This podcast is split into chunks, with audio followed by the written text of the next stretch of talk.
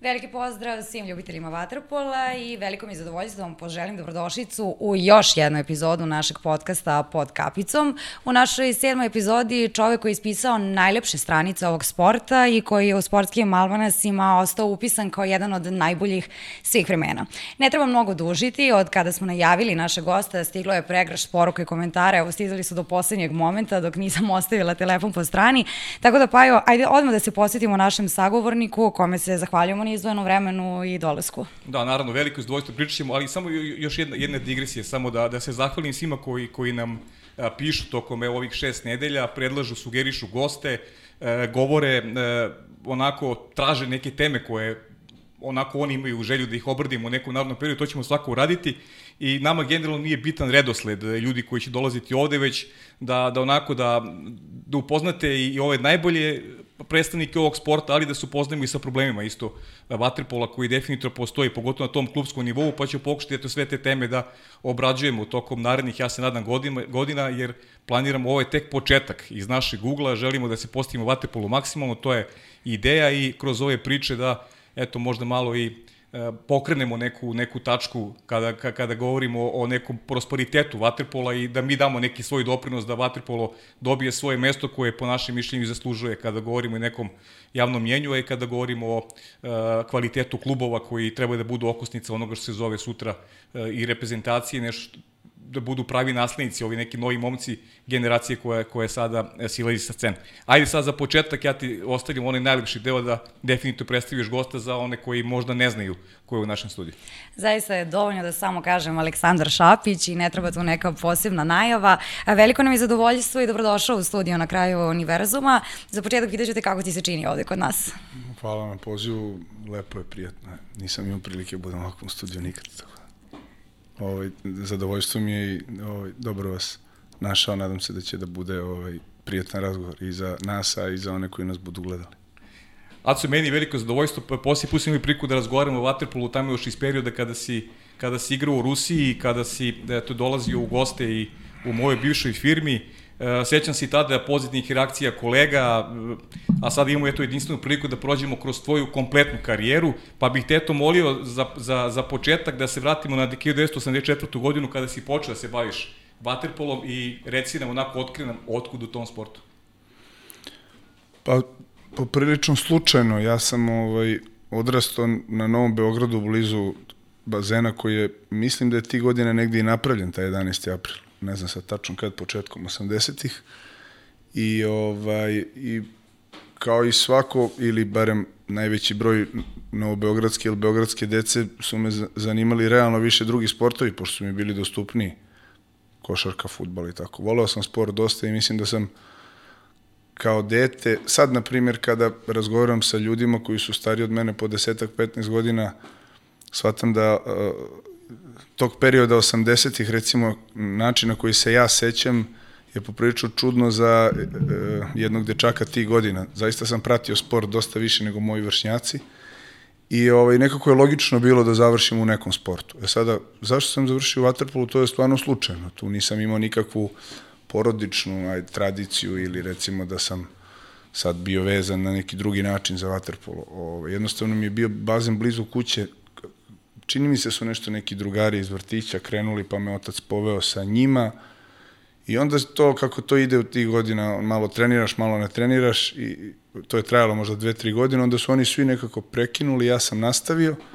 E onda sam ovaj, već sa nekih 8-9 godina čini mi se pokazivo da sam ispred svoje generacije ovaj, malo, kao malo napredniji, pa su me nešto stavljali u stariju i onda je to mene motivisalo i verovatno da nisam ovaj, imao te neke rezultate a, a, u tom periodu iznad nekog proseka da ne bih ovaj, ne bih u njemu ostao nego bi pokušao negde drugde. Nešto nisam bio ni kao dete neko ko se ovaj kao zadovoljavao nešto da se tu sa strane nešto vrti. Uh mhm. -huh.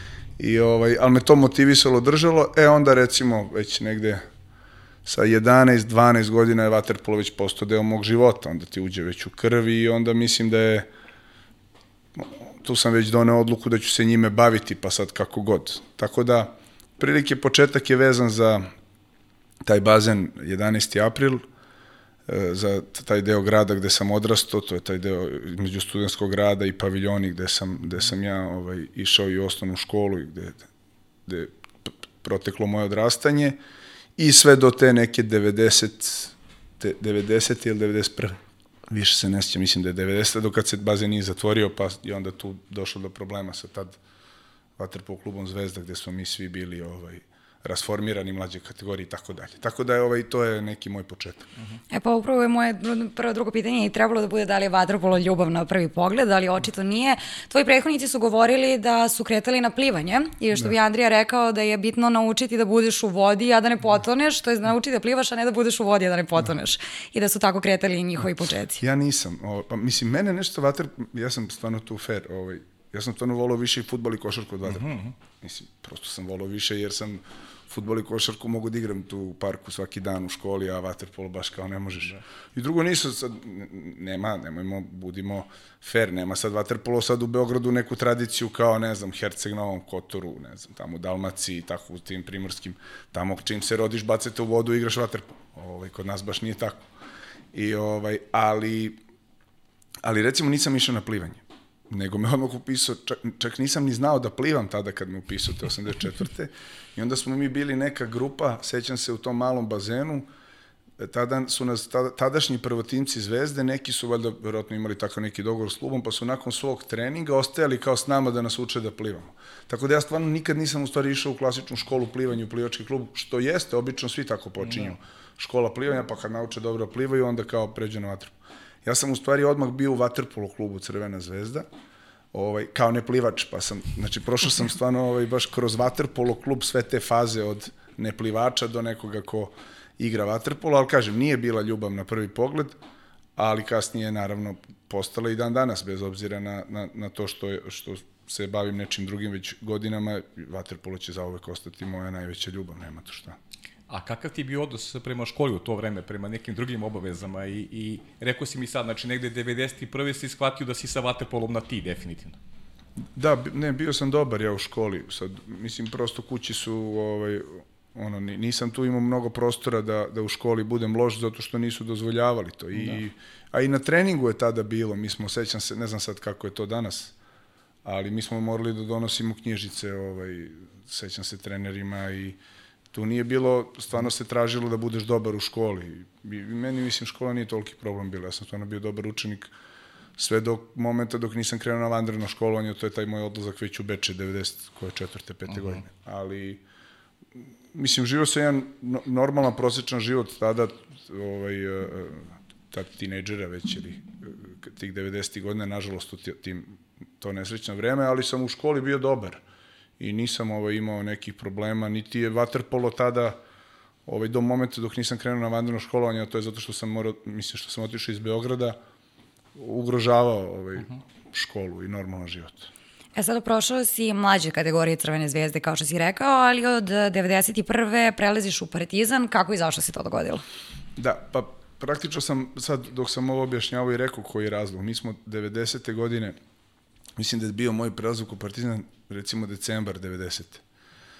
Uh, bazen se zatvorio 11. april i onda je Zvezda tada ostavila prvi tim na Tašu, čini mi se, i rasformirala skoro sve kategorije do te neke naše, a našu kategoriju onda držala na nekom ta 25. maju sada Galetom Muškotiroviću uh -huh. i nešto smo se tako seljakali po Beogradu i nismo imali gde ni da treniramo.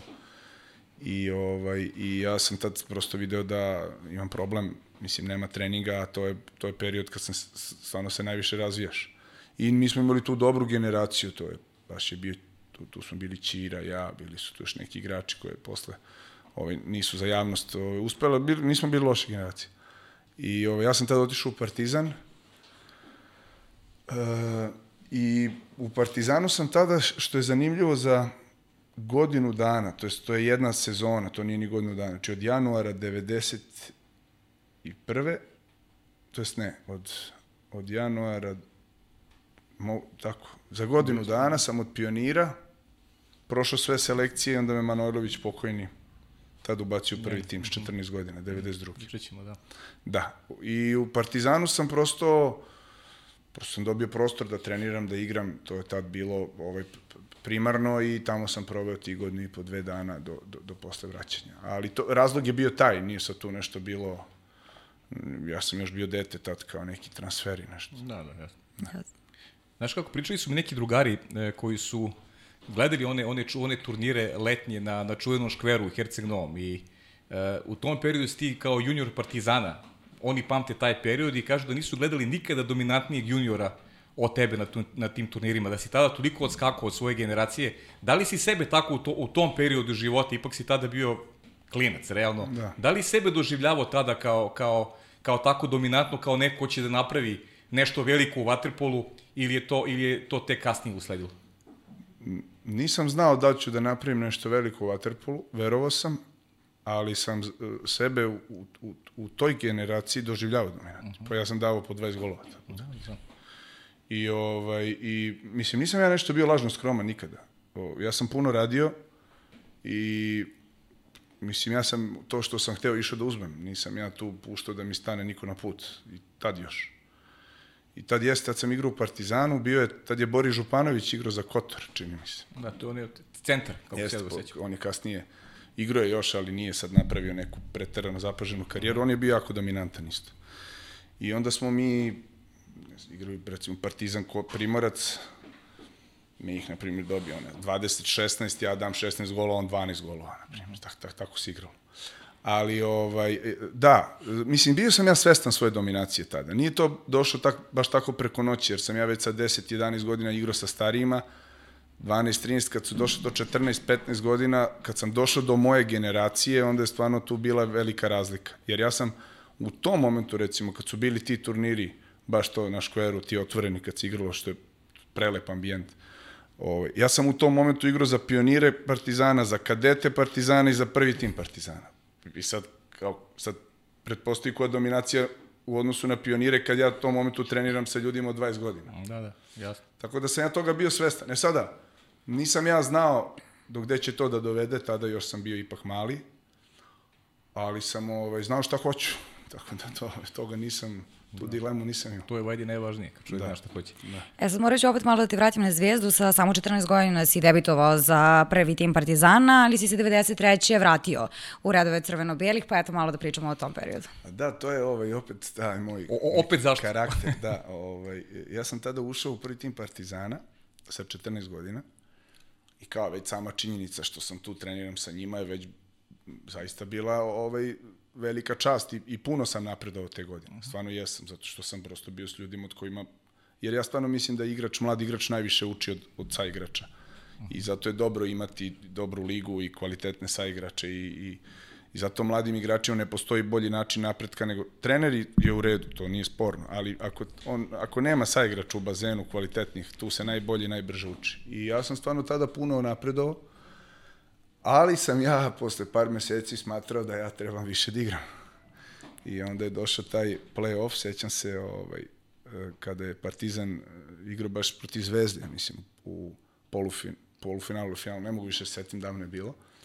I da li tad Dragan Jovanović kao prvi golman nešto, ne znam, neki problem je nastao i onda je on nije bio u sastavu i Kuljača je tad išao na go kao drugi bio prvi i ostao je jedna, praktično ostao, jer ja sam tu bio 13-14, nekad sam igrao, nekad nisam. Uh -huh, uh -huh. Ali u toku sezone kao bilo, ako se neko razboli, ja sam upad u ekipu i došao je play-off. Mislim, ja sam znao da ja ne mogu da igram u play-offu, nisam ja imao taj kvalitet. Da. Ali činjenica da budeš u ekipi u play-offu je onako bila i, ovaj, i ovaj, mene Manojlović nije stavio ekipu, stavio neku drugu.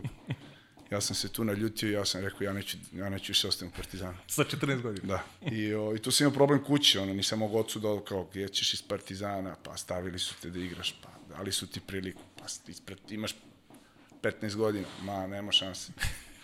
I nisam teo da ostanem. I to je, ovaj, mislim, baš sam se tada, s Manolovićem se posvađao sam se tada bio i do, do, dokle to išlo da su oni mene pustili, nisu tražili ni pare za mene za ispit. Mislim, ja sam tad bio beđu najbolji mladi igrač u zemlji. Da. da. I ja sam rekao, ja neću da igram za vas više i, valjda sam ih toliko iznervirao i ovaj, oni su mi dali ispisnicu. Avramović mislim da je bio ovaj, A, Zoran dir, direktor, Aha. tako je. I Manojlović bio trener prvog tima. I ništa, ja uzu ispisnicu, otišao u Zvezdu. I tako, i otišao sam u Zvezdu i I, ovaj, i, I mislim da se napravio pravi potez, pošto sam u Zvezdi stvarno dobio strahovitu šansu, tada, tada Ratka Pejević i tako dalje. Ali to je bio taj razlog, eto, ja sam prosto smatrao da ja treba da igram. Možda nisam ni bio objektivan, možda, mislim, možda realno tada i verovatno Ali ako ti je s ove distanci sada priča... Da, ali to je ta moja glad bila za, uh -huh. za, mislim, to je ono što bez toga ne možete. Ja, kažem, ne pratim toliko, aj malo sam se sad zadnjih godinu, dve dana vratio, ali kad vidim igrača koji nije gladan gola, gladan igre, gladan svega, nema veze, nek pravi greške, nek ulazi u konflikte, nek, nek se svađa, nek, ali to je ono što te pokreće.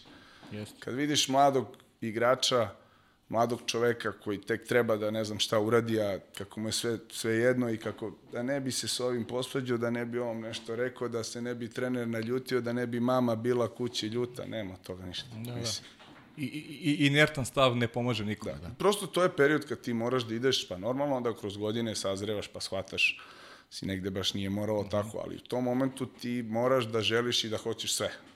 I da ne postoji taj koji može ti stane na put. I ja sam to tako išao, onako, ko tank.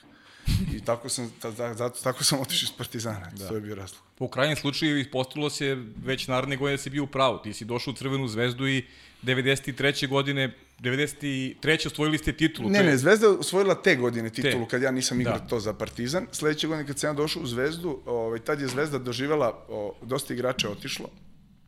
I tad je e, Krivokapić je vodio Zvezdu godinu dana mm -hmm. ranije, onda je on otišao i tad je došao Ratko Pević koji je bio prethodno igrač i tad to je br, bila prva sezona kao trener, on je mm -hmm. samo jednu, dve godine vodio i kasnije ovaj, u Sjedinjama američke države otišao i tako nije ni važno. Ovaj, inače za, njega ima ovaj, zanimljivo kad sam završavao karijeru, pošto stvarno sam mu zapamtio tu sezonu, prostor koji on meni dao te mhm. godine i, i način na koji mi je prišao i to je prosto neverovatno da on je tad bio zaista mlad trener, nije imao ni 30 godina, tako završio je, znači način na koji on meni prišao, jer ja nisam baš bio ovaj, jednostavan za, za, za ovaj, da, da mi za pričaš. Saradnja, pa nisi je to samo saradnja, ja sam, da. sa mnom nisi imao problem trenizi i sve to, ništa, ja sam to uvek radio tu nije, malo, malo igrača je moglo da mi, da, da, da mi tu parira, ali nisam bio baš lako ovako za neke druge stvari. I ovaj, on je meni prišao na način ja nikad neću zaboraviti, bez obzira što je to bilo godinu dana i kad sam završio karijeru, pa ću se vratiti na to te 2009 na toj konferenciji za štamp, onda sam se zahvalio nekim ljudima, zahvalio sam se Vlahu Orliću i zahvalio sam se Ratku Peviću. Mnogi čak ljudi ono nisu ni znali ko je šta je i onda me ovaj, posle par dana me zove Ratko. Došao iz Amerike tu, ovaj, e, došao u Beograd i kaže Ćao, Aco, Rale, tako dalje i ovaj, ćemo se vidimo, ja rekao, hoćemo. I kaže mi, ja u Americi, sad, baš pre nego što će dođi, kaže, zove me čerka, kaže, tata, izašao si u novinama. Kažem ja njoj, jedino sin ako nisam umro po učitolji, nema, gde, nema gde da izađe. Kaže, nije tata, izašao si u novinama, ovaj, Šapić je držao konferenciju pa te spomenu. I vidim da mu je bilo drago. Da, i, naravno. ovaj, tako da, e, taj moj odlazak u Zvezdu, zaista ta sezona, ja i Čira smo dobili ovaj, baš veliku priliku tada. Mm -hmm. Veliku, veliku priliku. Mislim da nam je mnogo značila ta sezona.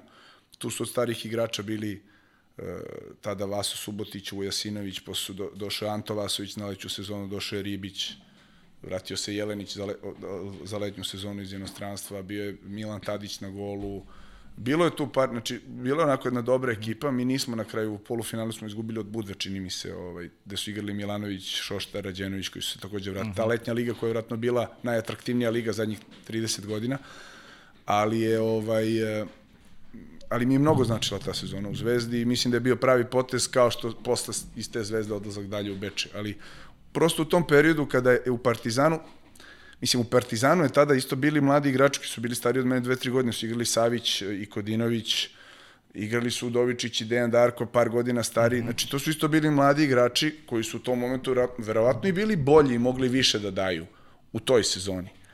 Ali, ovaj, ali se posle vreme je pokazalo posle kako smo gde završili i ispostavio se da ipak meni taj prostor u Zvezdi koji sam dobio sledeće godine, pitanje da li bi ga dobio u Partizanu, čak i iz objektivnih okolnosti, mi je mnogo značio, a tek onda odlazak u Bečej, gde sam sa 16 opet dobio veliku priliku, ja i Čira da. smo, ja mislim, već sa 16-17 godina igrali u prvoj postavi tamo, I to je onda već bila jedna druga priča. E, to je upravo i moje pitanje. A, možemo reći da si tamo potpuno sazreo kao igrač u jednoj najboljih ekipa, kažu mnogi najbolji koja je igrala na ovim prostorima. Da li je najbolje ako igra na ovim prostorima, to je relativna stvar, zato što svako vreme nosi, ovaj, ali u tom periodu je bila najbolja, to nema nikakve dileme. E, da, ja sam tada tamo sazreo, ne, mislim, to je period, ja sam otišao u Beče 94. čini mi se. I, ovaj, da, čimo sam 16 godina. I bio sam do 2001.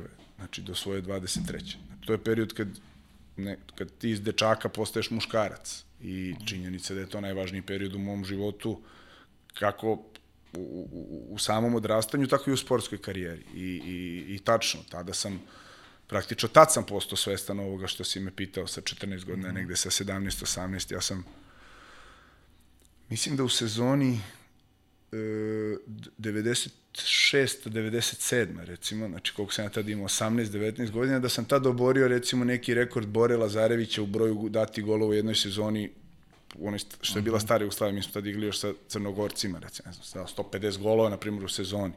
Znači, ja sam tad već bio svestan svoje dominacije koja, ok, tad je ona rasla, sam ja bio svestan tada da, ono, već tada kad me krene, to je teško da, da se zadržim. I, ovaj, I, i, I tad je prosto, to je bio period mog uh, suočavanja i sa drugim igračima i, i shvatanja šta je ono što mi nedostaje na čemu trebam da radim i ta dobra ekipa koja tamo jeste bila i učenje i od tada starijih igrača i od trenera i mi smo tu promenili pa smo imali, tu je bio i Porobić, pa je bio Orlić nas je vodio jedno vreme, pa posle došao Rađenović, pa Kašaš. Tako, bilo je tu, to je bio zaista, mislim, uh, definitivno najlepši period u mom, u mom, mom sportskom životu, tu nema dileme, naročito i sad kad se sve to pogleda s te distance, naročito u, u tim vremenima koje su bila mnogo teška, to mi svi znamo, ti ne znaš, ali ovaj, mi, ja, znamo, mi znamo, mi znamo ko su, koliko to su bila vremena, ne ponovila se, verovatno, yes. ovaj, i, i koliko su to bila teška vremena. Mi smo imali jednu vrstu mira tamo, bili smo izolovani, bili smo dobro plaćeni, bili smo redovno plaćeni sve do te poslednje godine. Bili smo, imali smo sve uslove za napredak, e, miran život. E, imali smo tu mogućnost da stalno idemo u Mađarsku, da igramo s mađarskim uh mhm. -huh. ekipama koje su strahovito nam značile za, za, za, za, za napredak u sportu. Imali smo jedan prilaz e, ovaj, tom vaterpolu na način na koji je koji je bio zaista na, na vrhunskom profesionalnom nivou i, i to se odrazilo na te rezultate. Mislim, recimo Partizan je te 99. godine u tom nekom periodu imao ekipu, ja pa, nisam siguran da nije možda bila jača od naše. Se mhm. vratio Vojsinović, Trebojević, Savić, Udovičić i, i Kodinović, ne znam, e, Nikolić, Maljković, mislim, stvarno dobra ekipa, mi smo njih tada tukli, oni su uzeli Len Kup, ali nisu mogli da uzmu naše da, prvenstvo. Da. Mislim, to je kvalitet našeg prvenstva bio stvarno, bilo, mislim, stvarno dobro. Tako da je to period, u tom Bečeju je bio ovaj, stvarno period koji je koji verovatno niko od nas, a bilo je nas recimo 5-6 koji smo bili ce, od, od prvog tog momenta kad je krenuo Beče da pravi tu, uh -huh. tako da nazovemo šampionsku ekipu, ovaj, koji smo ostali do kraja, koji verovatno, ja nećemo nikad zaboraviti, skoro smo se nešto na nekoj Viber grupi ovaj, trebali se nešto skupimo sad u Beči u septembru, pa sad zbog ovog COVID-a će vratno biti odloženo, ali ovaj, posle eto, dosta godina da se, ni, ni, baš se nismo videli svi zajedno, ko zna od kada. E, tamo sam ja htela da uskočim sa pitanjem, da, tamo sam htela da ti pitam da li se čuješ sa tim sa igračima, bilo je tu i sjajnih mađarskih igrača, predstavnika iz različitih generacija, kako ste se slagali? Ja sam se s Mađarima super slago. Ovaj, e, sa Mađarima baš, Vince Balaš je tad bio, ovaj, da. sa njim naročito i on je, od njega sam baš puno naučio i oni meni, ovaj, ja sam to, to se nije ni znalo. On je meni donosio, ja sam ga stalno drndo oko toga i maltretirao, da mi donosi kasete mađarski. On je meni, ja mislim, za te, koliko on iš, igrao kod nas? Igrao je do 3-4 godine. Da, da. Pa i oni Molnar, i Molnar igrao. Ne, da, znači igrali su Vince Balaš i uh, Laslo Tot 3-4 godine, onda su Molnar i Biroš igrali jednu godinu mm, posle. Ali ovi su bili četiri. četiri da. I, o, I oni su išli stalno vikendima kući, ono, posle utakmice.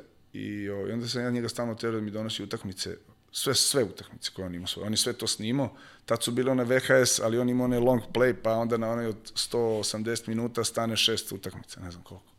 I onda on meni svake nedelje donese par kaseta, ja gledam u toku nedelje i onda mu vraćam.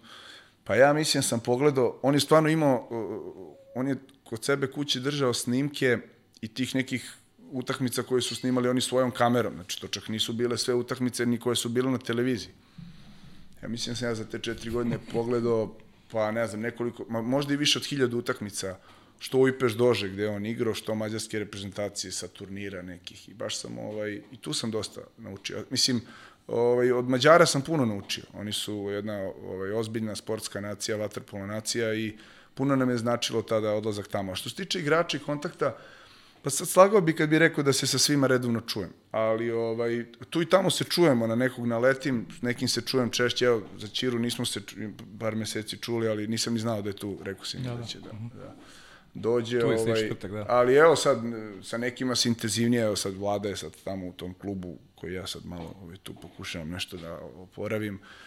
I tako, ovaj, u principu imam kontakt sa svima, ne postoji niko sa kim nemam kontakt, ali prosto život me odveo u nekom drugom pravcu i imali smo jedno vreme, ovaj, to je, Savić je to nešto pravio, zadnjih 5-6 godina sam bio, te, ovaj, za ovu godinu smo se nešto skupljali malo u kafani i tako družili.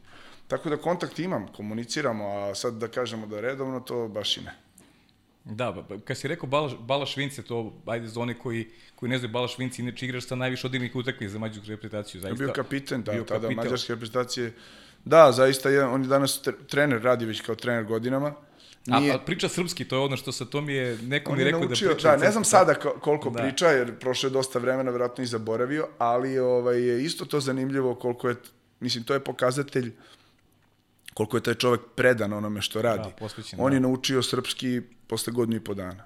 I ovaj, mi smo s njim razgovarali na srpskom, dok uh mhm. -huh. recimo sa Laslo Totom s njim smo morali na On je razumeo, ali nije mogao da priča. Da, da. S njim smo sve vreme na engleskom pričali. A viš koliko postoji, koliko je ta, ta vezanost, pričao sam sa mnogim iz te generacije koji igraju u Beču, koliko postoji ta neka seta i koliko se rado sjećate te, tog vremena, bukvalno svi igrači iz generacije E, taj, taj Bečej neko ostavio na sve vas posebna traga. Ne samo kad su rezultati u pitanju, nego očigledno da. napravljena jedna dobra grupa dobra grupa i ljudi i dobra grupa, dobra grupa igrača. Zato što je e, prvo, prvo smo imali sve uslove koji su zaista sjajne uslove za rad i za napredak. Imali smo dobru ekipu, znači sa tog sportskog aspekta smo ovaj mogli zaista da, da nije bilo tu nikakvih prepreka i nismo se razlikovali ni po čemu od najboljih svetskih ekipa. Imali smo vrhunske uslove, bili smo dobro plaćeni u vremenima kad ja sad možemo o tome otvoreno da pričam, kad se stvarno u Srbiji teško živalo, mi smo bili fantastično tada plaćeni.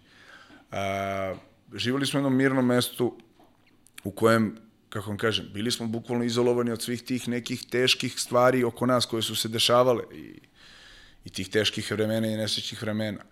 I na kraju krajeva ima i ona, ovaj, kad kažu ljudi, za, za, zašto ljudi kad se sećaju prošlosti i svoje mladosti uvijek kažu to je bilo neko bolje vreme, pa ne, nego si bio mlad pa ti sve bilo tako lepo. Je, I, tako I bili smo mladi, imali smo 20 godina i niko nam ništa nije mogao, tako da. I to je verovatno razlog. Sigurno. Sigurno. Zašto se svi lepo sećamo tih vremena. E, sad kako se sećaš inostranstva? Prvi odlazak dogodio si 2001. i izabrao si Komolje. Da.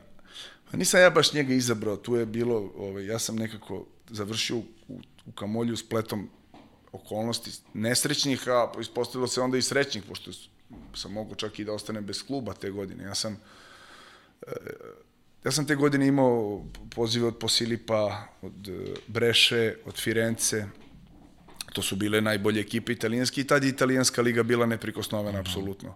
Nije bila ni jedna druga koja je mogla s njom da se poredi. A meni se nije išlo iz Bečija. Ja sam stvarno, ovaj, meni je bilo tamo lepo i nekako sam se sve vreme nadao da će ekipa ostati to su bile one period posle 5. oktobra kad je došlo političkih promena, pa se menjao sistem i tako. Nekako mi se činilo da je Beče uspeo da se provuče kroz to, jer je već bila 2001. Iako smo već tada te godine nismo ni bili plaćeni i u Dubrovniku smo izgubili od, od, od, od Dubrovačkog juga, iako smo bili bolji, ali to je sve, sve bila posledica tog, tog e, stanja u zemlji koje je bilo malo mhm. haotično. I ja sam tada stvarno, tako, postojali su neke indicije da će ekipa ostati. I ja sam odbio te ekipe italijanske. Mnogi igrači su se paralelno dogovorili, ja da nisam imao to znanje, da treba da kažeš italijanima da, onda da ostaneš. Ja to prvo, nekako mi je bilo bez veze da nekom obećam, ako da. kažem da ću doći, pa makar i ne potpisao, ne mogu da ne dođem. Ja sam odbio tad italijane, sve, i došao je kraj avgusta, u Italiji su se već formirale ekipe, već su počele pripreme, ove druge lige nisam ni gledao to da idem u Grčku neku nešto to nisam u Španiju to nije bilo mislim za mene stvarno nije bila opcija Jer italijanska liga tad je des, ono, deseta ekipa u Italiji bila bolja od, od ne znam, prve dve ekipe u svim drugim zemljama. Zaista je tada italijansko prvenstvo bilo bez premca u svakom pogledu. Svi su tamo, i cela mađarska reprezentacija igrala, naša, ne znam, ruska, Hrvati, svi su igrali tamo. I, ovaj, I kraj avgusta je došao i onda su javili da od Bečeja nema ništa. Ekipa će biti baš prosečna i da naša liga pita na šta će da liči i ja sam došao u situaciju zaista nisam znao šta da radim. I tad mi je došao, to je Kamolj je mene zvao ne znam, mesec dana pre toga. Kamolj je ekipa koja je iz druge lige te godine ušla u prvu ligu i imala je onako ambicije, doveli su tada Uskokovića uh -huh, i Jelenića, tako je, i Milana Tadića. I oni su bili, ok, oni su bili vrhunski igrači. Ovo ostalo je bilo onako, to su bili neki italijani diskutabilni. Ali kao imali su ambiciju da zauzmu neko svoje, neku poziciju u italijanskoj prvoj ligi. A, ali meni to nije bilo uopšte tema, kao kakav kamolje, neću imamo kamolje. I onda kad se to desilo, oni su me opet zvali, ja sam rekao, dobro, ajde sad, sad sam u situaciji da baš i ne mogu da biram, a drugo, znao sam da kakva god da je italijanska liga, mi u tom momentu imam 22-3 godine, moram, mislim, moram nastaviti da napredujem. I teško mi je bilo odlazak u Kamolji tamo, mislim, ja sam dobio super uslove, stvarno, to ne mogu da grešim duši, i finansijski, to sam stvarno super prošao, a meni to nije bilo dovoljno, meni je bilo, bolelo me što sam došao u ekipu u kojoj ja, osim ova dva, tri igrača, ovo ostalo, ne možemo objasniš ništa, ne kao s njim da igraš neki, ne, ne znam, neki vaterpolo i to mi je baš smetalo. I taj period, prvi, prvih par meseci još ne znaš jezik, tamo niko ne priča engleski, došao si sam, baš mi nije mi bilo lako uopšte. A najviše mi je bio taj, sam imao taj problem vaterpola. Ali šta se desilo kada, kada ovaj, nakon sa, sa, sa vremenske distance, kada je prošao taj period u Kamolju, kad sam otišao u Savonu i malo kad sam onda vraćao ovaj, mm -hmm. unazad svoje misli, ispostavilo se da sam u Kamolju za te dve godine koliko sam proveo tamo. Pa verovatno napredovao najviše, znači u takvom jednom periodu sam najviše napredovao u čitavoj svojoj karijeri. A zašto? Zato što sam tada došao, pošto ja nisam teo da se pomirim s tim, da sad ja ću kao da idem i da me neko ovaj, tamo o, o, nabija s 10-15 razlike, uh -huh. to ja nisam mogao se pomirim s tim. I nisu nas ni nabijali, mi smo na kraju, ja kad sam otišao iz Kamolja, mi smo završili četvrti i sa svim od ove prve četiri ekipe koje su bili po Silipo Breša, e, Reko i Firenca, mi smo sa svim igrali na go. Gubili smo, ali to bilo na go, nema, nismo ovaj, i zato što sam, mislim, nas par i posle još neki igrači, uložili smo stvarno ekstremno napor, ja sam stvarno igrao tada ono, baš sam igrao jako dobro.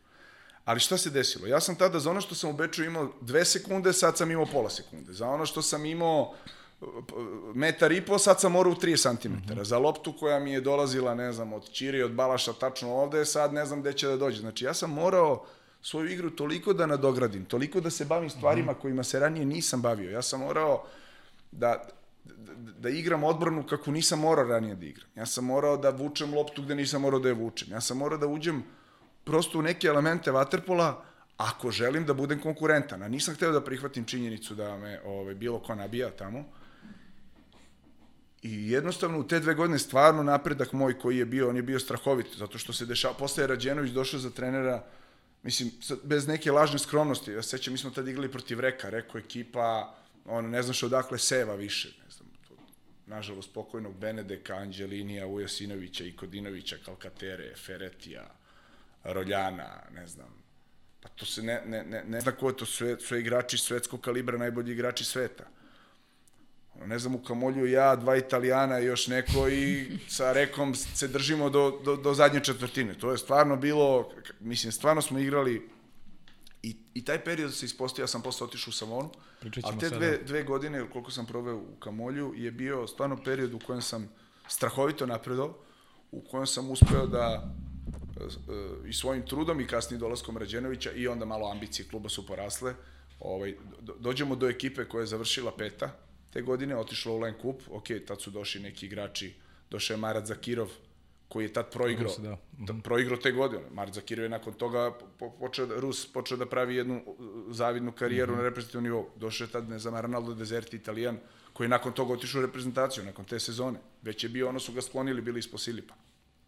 Doše mali, on nije mali sad, on već na zalasku karijere, tada prešuti, koji je kasnije igrao za italijansku reprezentaciju, on je tad došao kod nas sa 18 godina, ga do- doveo Rađe, Rađenović, ovaj. Tako da smo mi, Pastorino, koji je bio kasnije golman reprezentacije, tada takođe došao kod nas. Znači, mi smo tad spakovali jednu ekipicu, na, na kraju taj klub, kada sam ja otišao iz njega, to je bio klub koji je bio zaista na jednom zavidnom nivou u Italiji i to sam onako, baš sam ponosan na taj period, zato što način na koji sam došao tu i onako kako mi je sve delovalo, prvih mesec dalo, dana mi je sve delovalo onako be, besmisleno. Ispostavilo se da nakon te dve, tri godine smo uspeli da napravimo jedan onako dobar klub i ja sam stvarno strahovito napravio tih godina i mislim čak u, uh, reprezentativno gledano taj period moj ako pogledate, to je 2002. 2000, znači prva, druga, druga, treća, treća, četvrta, to je period kad sam ja možda i naj, najveću dominaciju u, u reprezentativnom vaterpolu, iako sam igrao za Kamolj, zato što je to bila posledica uh -huh. toga. I onda naročito tih četvrta, peta, šesta, sedma, osma, Mislim da je tu taj period u Kamolju bio zaista ključan, iako toga ja tada nisam bio svestan, ali me je naterao, ja sam tada trenirao to, mislim, provodio sam sate u teretani, u bazenu, zato što sa, nisam mogao da se pomirim s činjenicom da, upravo ovo što sam rekao, da ja idem tamo da, me, ovaj, da gubim po 10 razlike od nekoga i, i, i tad sam stvarno puno napredao.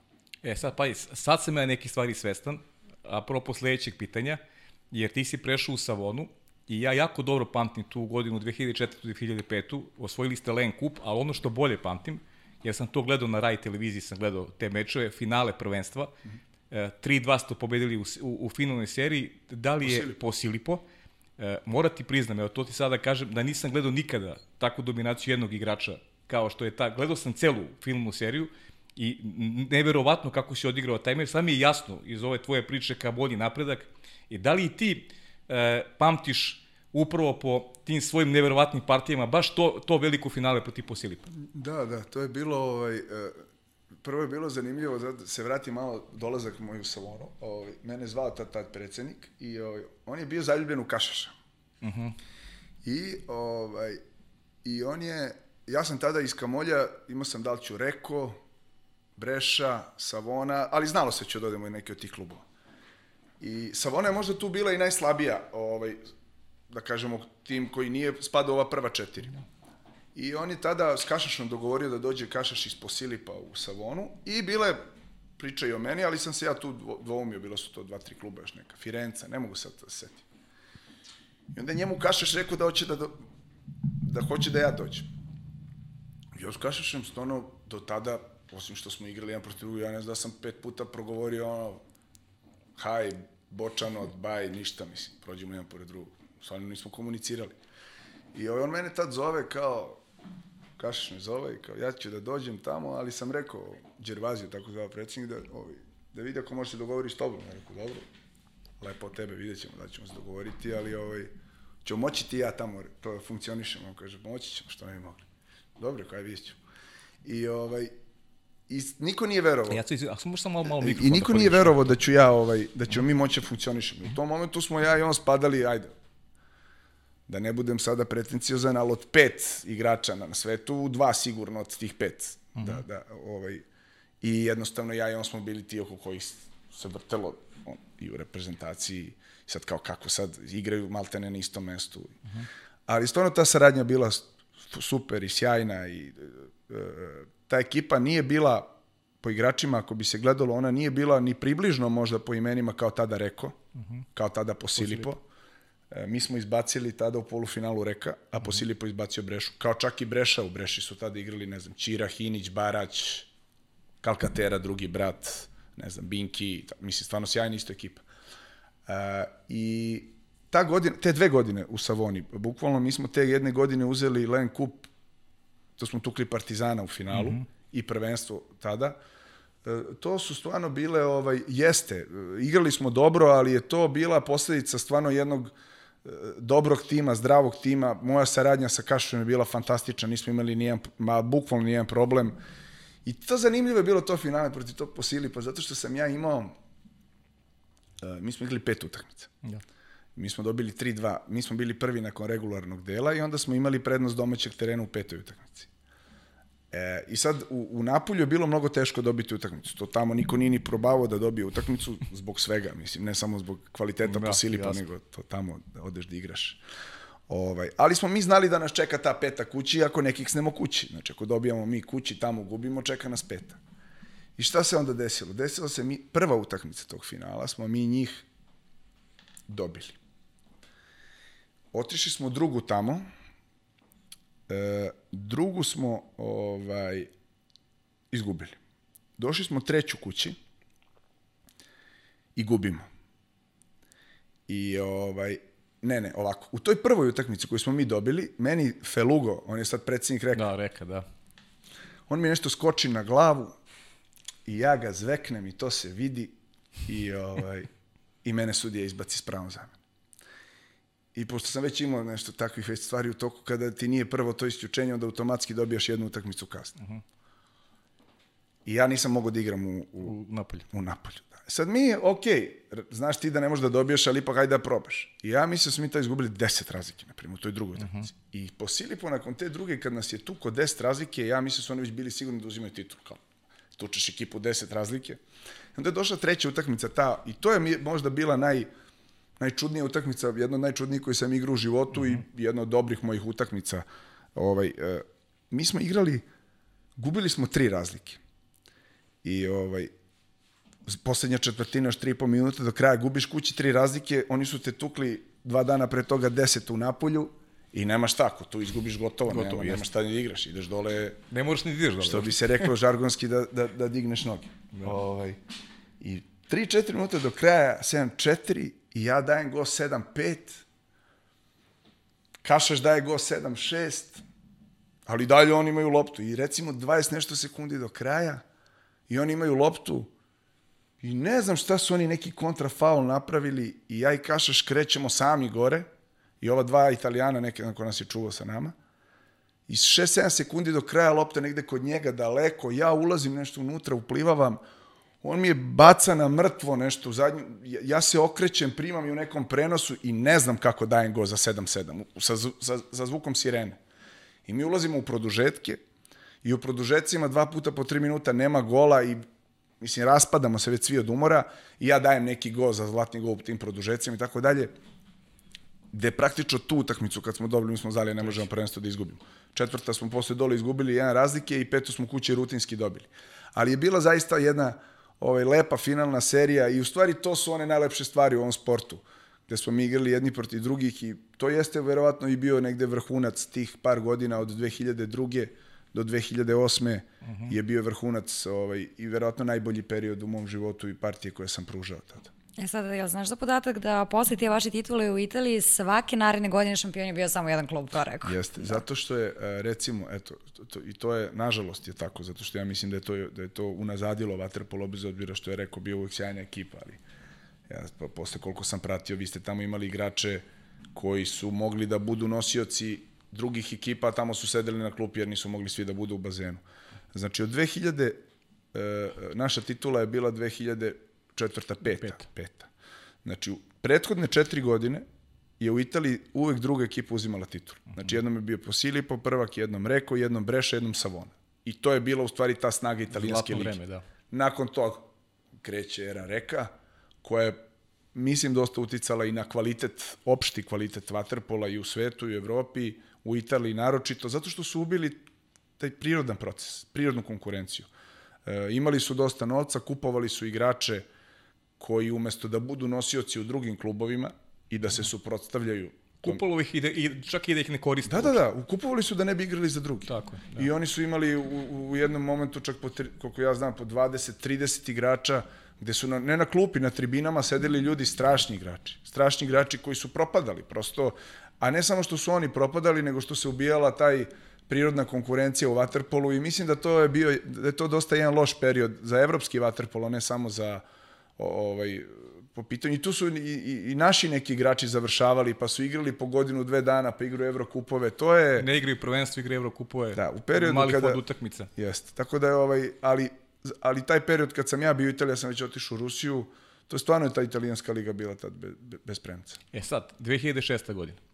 Savona želi da te zadrži, koliko ja znam. Nemaš ni ti ništa protiv, ako imam dobru informaciju, i onda se pojavljuje ta ponuda šturma, onako prilično bezobrazna, kažu mnogi da je to i danas najveći transfer u istoriji Vatrpola.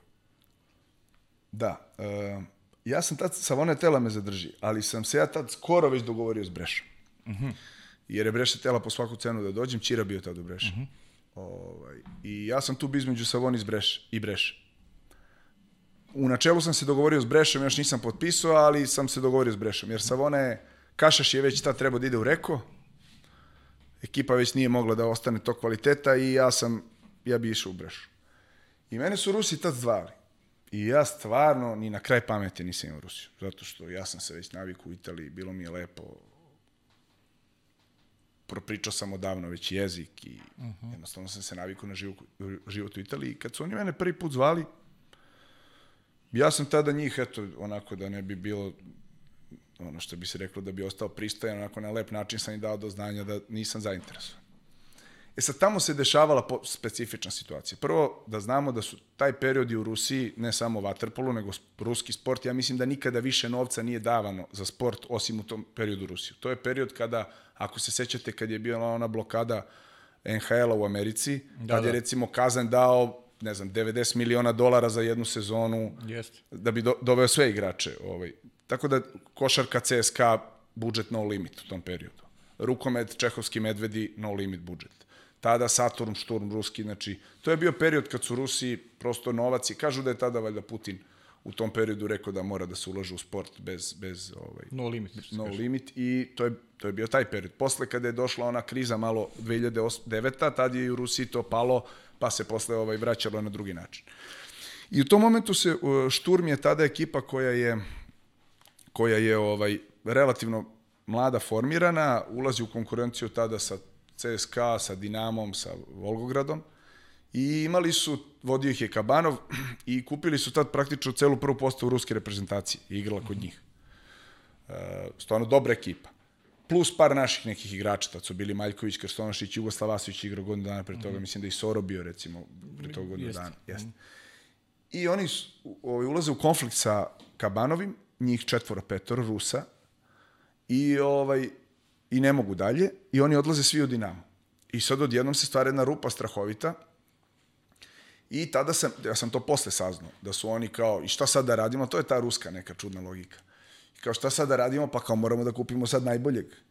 Dobro, ko je najbolji i sad kao, ajde, došli su do mene, ali čekaj, ja sam jedan, ne mogu ja sad pet igrača da zamenim, ali ne, kao, dajte pare njemu koliko on hoće i šta sad? Nema veze, ovo što su oni, to ćemo mi da damo njemu i nikom ništa. I onda su oni mene, ja to nisam znao, ja sam to tek posle razumeo. I oni mene kad su zvali prvi put, ja sam se na lep način zahvalio. Zovu ponovo, ja sad kao, ajde, znaš, tad je bio Rista tamo, ovaj, Maljković, ja ga zovem Risto, što kaže, ne znam, oni su zapeli, ne, ne pričaju nam ništa. Ok, drugi put sam se ja s njima čuo, treći put sam se ja čuo s njima i sad već vidim da ne puštaju, da insistiraju da pričamo o novcu. I ja tad nikad neću zaboraviti, evo, ovo nisam nikad ni pričao nikom. Ovaj, ja tad njima kažem, ja tad bupnem cifru, koja je bila recimo u tom momentu tri i po puta veća nego što sam ja imao u Italiji. Zato što mi se stvarno nije išlo. Da, da. Nije tu, ja sam već u tom periodu zaradio i dosta novca i nisam ja bio tad u situaciji da moram da po svaku cenu Zaista, mi smo, ja sam imao tu sreću da smo mi u Beču bili dobro plaćeni i posle da. u Italiji. To su prosto bile godine kada se u Waterpolu zaista lepo zarađivalo. Za, za, za neke ove normalne okolnosti. I ja nisam hteo da idem u, mislim, neću da idem u Rusiju prosto. I ovaj, ja bupnem puta tri.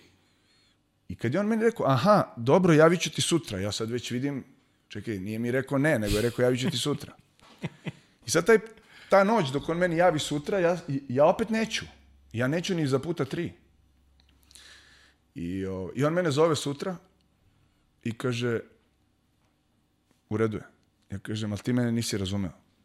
To je samo za, je, to je samo za jednu, pošto mi pričali na tri godine, godine to je da. za jednu godinu, ne za tri. I sad ja mislim on će tu da kaže, kaže. dobro, onda ništa. On kaže, aha, to se sećam, aha, o, javit ću ti sutra. A, u, reko, sunce ti poljubim, šta sad da radim ako kaže da je u redu? sutra. Da naučiš ruski. I čovjek mene zove sutra i kaže, ovaj, u redu je, kaže. Ja rekao, i kako? Ali sam, I onda sam sad tu je bilo kada mi daju, ma, sve može. I tad sam ja prosto shvatio da ja moram tamo da idem, jer to je, e, čak i cifre koje su se spominjali tada u javnosti, to je bilo daleko, daleko manje od onoga što je bilo objektivno. Pošteno.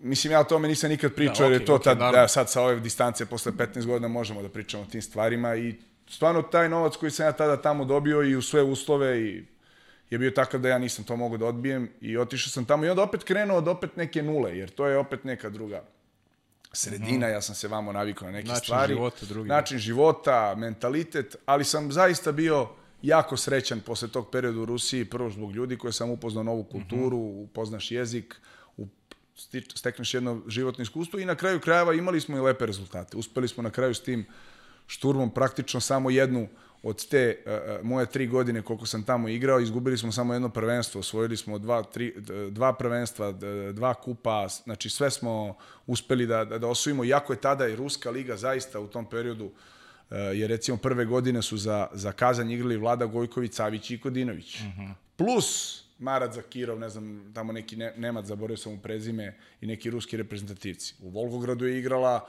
ono ekipa koja standardno Volgograd je imao 10 godina uvek najbolje ruski igrače. U CSKA je u to vreme igrao, mislim da Živko Gocić bio u CSKA. Igra, u CSKA ili Dinamo Moskva, slagaću. Cela tih pet igrača naših ruskih reprezentativaca, ne znam, od uh, Jerišova, uh, uh, Jaceva, uh, Stratana, oni su svi bili tamo. Uh, par Mađara, znači stvarno bila mnogo jaka liga tada ruska, te dve, tri godine. Uh -huh. Tako da je to bio period kada je ovaj, u kojem, mislim, na kraju sam stvarno srećan, ne samo sa tog finanskog aspekta koji je bio u, u tom momentu ovaj, nešto što se verovatno posle više nikad nije ni ponovilo, jer više nikad prvo ni Rusija nije bila u toj situaciji, da. a i Waterpolo kao sport je posle ušao u neke druge probleme, ali jedno veliko iskustvo i sa tog sportskog, sportskog aspekta, a i Znate, kada, kada ovaj, upoznate, se, te, upoznate se sa jednim drugim, drugom filozofijom vaterpola, s kojom možda i ne morate se slažete, ali to je jedno veliko iskustvo. Ipak smo mi svi odrasli na toj jugoslovenskoj školi vaterpola, pa ta doktrina ovaj, vaterpolo, pa onda kao što sam se u Italiji upoznao sa jednom novinom, novom načinu razmišljenja koji se negde se slažeš, negde ne, ali ti, ali ti pomogne i da te upotpuni kao, kao ličnost i kao sportistu. Je tako isto se desilo u Rusiji i za, zaista sam onako srećan i zahvalan Bogu što sam imao tu priliku da prvo živim u toj zemlji, da igram tamo vaterpolo i da se upoznam sa svim stvarima s kojima sam se upoznao. Mm -hmm. Još jedno lepo poglavlje svakako u tvom životu. Je sad ono što je meni fascinantno za tvoju karijeru je da si u periodu od 2000, tačnije od 96. do 2009. Dakle, punih 14 sezona bio najbolji strelac nacionalnih šampionata gde god da si bio. Da, to se tako ispostavilo da sam ovaj, u Beče kad sam otišao, te prve godine nisam bio prvi strelac lige, to je bila 94. 95. I već od 95. 96. sam bio prvi strelac lige i eto na kraju se ispostavilo da sam do kraja karijere u stvari no. ovaj, tih šest godina u Bečiju, pa pet u Italiji, tri u Kamolju, dve u Savoni i još tri godine u Rusiji. Pa dobro, to jeste možda podatak od svih podataka mojih, hajde, golovi, trofeji, vamo, tamo, ovaj, bilo je igrača koji su dali više golova od mene na svetskom nivou, jer su više igrali na kraju krajeva. Stjarti igrao 30 do, godina. Mislim. Do 40 i preko Da, i ne znam, Hadži tamo, onaj Rumun i tako, da, da. ne umanjujući njihov kvalitet, Naravno. apsolutno kao igrač. Ali ne znam da li je to neko, ovaj, to je onako jedan podatak koji je pitanje i u drugim sportovima, da li je, možda je to i naj, najzanimljiviji moment čitave te moje statističke karijere, biti u nizu 14 godina u tri različite zemlje, stalno prvi strelac, a igrao sam u ekipama različita kvaliteta, nisam ja uvijek bio u najboljim ekipama. Da, da, pa... Tako da rec, sećam se tada da sam recimo u Italiji, sam se svake godine sa Benedekom, ovaj, je tu bilo ko će da bude, ovaj, baš me pogodila njegova smrt. E, e ajde, ajde baš da. malo da ispričamo kad si već, kad si već, imam jedno drugo pit, nešto drugo sa teba da te pitam, ali ajde da se malo dotaknemo, stvarno legenda. E, kažu da je, mislim, ja ga nisam upoznao nikad, kažu da je bio i sjajna ličnost i, i, i veliki igrač, sećam ga se koji igrač, ali ti si onako pozvan da ja pričaš o Tiboru ovaj, Benedeku. Ja ga nisam dobro poznao, uh -huh. zaista nisam ga dobro poznao, nismo nikad igrali zajedno i nisam nikada imao prilike nešto duže s njim da razgovaram. Uh -huh. Ali je on na neki čudan način dosta uticao na, na moj razvoj. E, tada kada je Balaš Vince došao u Bečej, mislim, i, ja sam to ni napisao, i jako mi je žao što mu možda to sve nisam rekao. Uh -huh. Zašto mu nisam rekao, nemam pojma. Tako. tako život namestio. Ali ovaj, e, Balaš Vince kad je došao u Beči, upravo te kasete i to o čemu sam mm. govorio, ovaj, on je baš voleo Tibora, on je s njim igrao u Ipeš Doži i on je dosta i pomogao Tiboru da bude to što je bio, on je već sa nekih svojih 18-19 godina ušao u reprezentaciju Mađarske i bio zaista jedan onako izuzetno dominantan igrač, koji je jedan od prvih tih all-around igrača koji je mogao da igra na više pozicije. Tako. I onda sam ja kroz te kasete koje sam gledao ovaj, u, ne, ono, u nedogled, nekako mi je, ta njegova igra mi je zaista bila fascinantna na ta jedna e, e, e, neum, neumorivost. On, on prosto nije stajao čovjek čitavu utakmicu. To je, to, to je fascinantno bilo. To je jednostavno gledaš i ne veruješ da li je moguće da čovjek nestaje. I stvarno nekako mi je, kažem, ni, tad ga nisam ni poznavao, vidio sam ga ovako par puta, on je stariji od mene šest godina, ja sam tad bio još, imao 7-18 godina. I stvarno sam, baš mi je onako, uh, uh, predstavljao je meni neko, ne, neko, onako, nekog igrača, ne sada potpuno tehnički kako bi ja volao da izgledam, ali neki a, a, aspekti igre koji su meni stvarno bili fascinanti što se tiče njega. I onda smo mi počeli da igramo jedan protiv drugog, polako. I onda sam ja baš na njega onako znao da idem, valjda iz toga, on nije ni znao čovjek zbog čega. I onda sam ga ja onako, išao sam, baš sam išao tvrdo, u želji da sam sebi dokažem da ja to mogu. Mm -hmm. I ne mogu da kažem da nisam dokazivo. Ja sam, mi smo bili zaista suparnici i, nekad je bio on bolji, nekad ja. Ali je zanimljivo što se tiče njega da, na primjer, nikad, ja sam, mi smo imali stvarno tih okršaja sa Mađarima, svakakvih i tu bilo igrača i prljavih i ovakvih i onakvih, uh, koji su u, u, u granicama normale, koji to je vaterpolo muški sport i to nema nikakvih problema. Ali on je, kad god bi ja na njega krenuo tvrdo, on je na jedan čudan način te dovodio u stanje da te bude sramota posle toga. Kad god pređeš granicu. Da, da. I ovaj i nikada nije vraćao, bio on je bio stalno duel je tu uvek bio jak, ali on nikad nije prelazio tu granicu koju sam ja znao da pređem. Mislim, ja nisam baš dok sam bio igrač uvek slagao bi kad bi rekao da nisam prelazio tu granicu, mm -hmm. možda nekad. Ali šta da radim, tako je. Ovaj i onda je on nekako te anestezira na čudan način. Ima jednu čudnu ljudsku energiju. To nema veze sa igračkom. Ljudsku mm -hmm. energiju koja mene onda još više fascinirala. I onda sam i od ovih, sa njim, i, i Kodinović i Vosinović su igrali sa njim dugo i stvarno su mi pričali da je neumoran, da trenira to u nedogled. To su, to, mislim, stvarno jedna energija, pa on je na kraju igrao do 40 i neke godine. No. Da. I to je igrao na vrhunskom nivou, bio je kapitan Reka sa 42 godine. Mislim da je Prlinović čak igrao sa njim. Jeste, igrao Andrija Sim, jeste, jeste. E, I, ovaj, sve to, on mi je stvarno mi onako bio jedan igrač, ako bi morao da kažem, ok, svi smo mi kao klinci, se kao, uzor nam je bio Milanović, pošto je on bio simbol 80. godina Waterpola i svako od nas imao po nekog igrača, ja sam recimo, meni je Dejan Savić kad sam bio klinac, mhm. -huh. kad sam ja imao 11-12, a Deki imao 15-16, bio neko ko je, Dejan Savić je to ljudi ni ne znaju u tom svom prvom periodu bio izrazit napadač, golgeter, on je da, posle počeo tu da se muva nazad. E, baš smo pričali o tome kada je bio. Dejan je bio, kaki, Dejan je razbio, znači raznosio. I onda, recimo, Dejan mi je tada bio neko ko mi je, ovaj, uh -huh. ko mi je imponovao i kog sam, kog sam želeo da, da sledim i tako dalje. E, I bilo je tu još igrača, ali mi je nekako Tibor čitavu karijeru, iako smo posle imali mnogo, mnoštvo duela između sebe, ostao neko po, po mnogo aspekata specifičan i kome mogu slobodno da kažem sam se divio, divio na jedan čudan način, a nikad mu to nisam rekao. Nikad mu to nisam rekao, čak sam možda i bio negde zatvoreniji, jer ja to prema tim drugim protivničkim igračima nisam baš nešto bio mnogo otvoren. Ovaj. Ovi naši su voleli da se druže, ja to nisam. Ovaj. E, ajmo sad da se vratimo ovaj, ono što, što je bilo šokantno za širu vaterpolu javnost, pa ne samo vaterpolu javnost, nego i, nego i kompletnu sportsku javnost. E, da li su te godine, tih 14 godina, da kažem, dominacije, konstantno si bio najbolji strelac, da li je to uticalo negde da negde u najboljim godinama, 31 godinu si imao kada si odlučio da završiš karijeru ili ako u krajnjem slučaju da posetiš naše gledalac, gledalce zbog čega si i kako se to dogodilo? Da, uh, pa ja sam tada u nekim mojim planovima želeo da igram u Londonu do 34. Uh -huh. Uh, I eto, da sam igrao olimpijske igre u Londonu, to bi mi bile pete olimpijske igre i bio bi verovatno, neverovatno, sigurno jedini igrač sa ovih prostora, ne Srbije, nego sa ovih prostora iz bivše Jugoslavije i ovih prostora, koji je u nekoj ekipnom sportu bio na pet olimpijskih igara. Pojedinačni sportovi su znali da budu, ali ekipni sport teško. zbog činjenice sam s 18 bio u Atlanti. Uh -huh. I onda posle, ovaj, i to mi je negde bila ideja. E sada, uh, ja sam se već umorio malo, bio, mentalno sam se bio umorio, ali ajde kao London je treba da mi bude neki motiv. Iako sam stvarno bio umoran, baš zbog toga, ja sam s 14 ušao u prvi tim i, i uh, mislim, o tome ja nešto ni ne volim da pričam, ali ljudi koji su igrali sa mnom znali su koliko sam ja ovaj, bio posvećen tom sportu. I jako sam mnogo trenirao. Ja, ja nisam sreo u, u ovaj, igrača koji je bio oko mene da je, da je trenirao približno meni.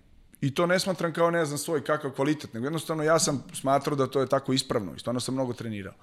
I držao sam tu tenziju i nije bilo, ovaj, nisam nikada dozvolio sebi da se opustim. I ja znam tih par godina i u reprezentaciji, sećam se, i u klubovima posle igrači neki su imali veći problem od mene da su otišli u kafanu u grad nego od trenera. Ja to nisam to uh -huh. smetalo mi je to kao prosto mi je smetalo. I ovaj, znao sam nekad da budem i ovako i onako. Baš zbog toga jer sam smatrao to je, da, da, da moramo da vodimo taj spartanski život i da je to cena ako želimo da se ovim bavimo ispravno.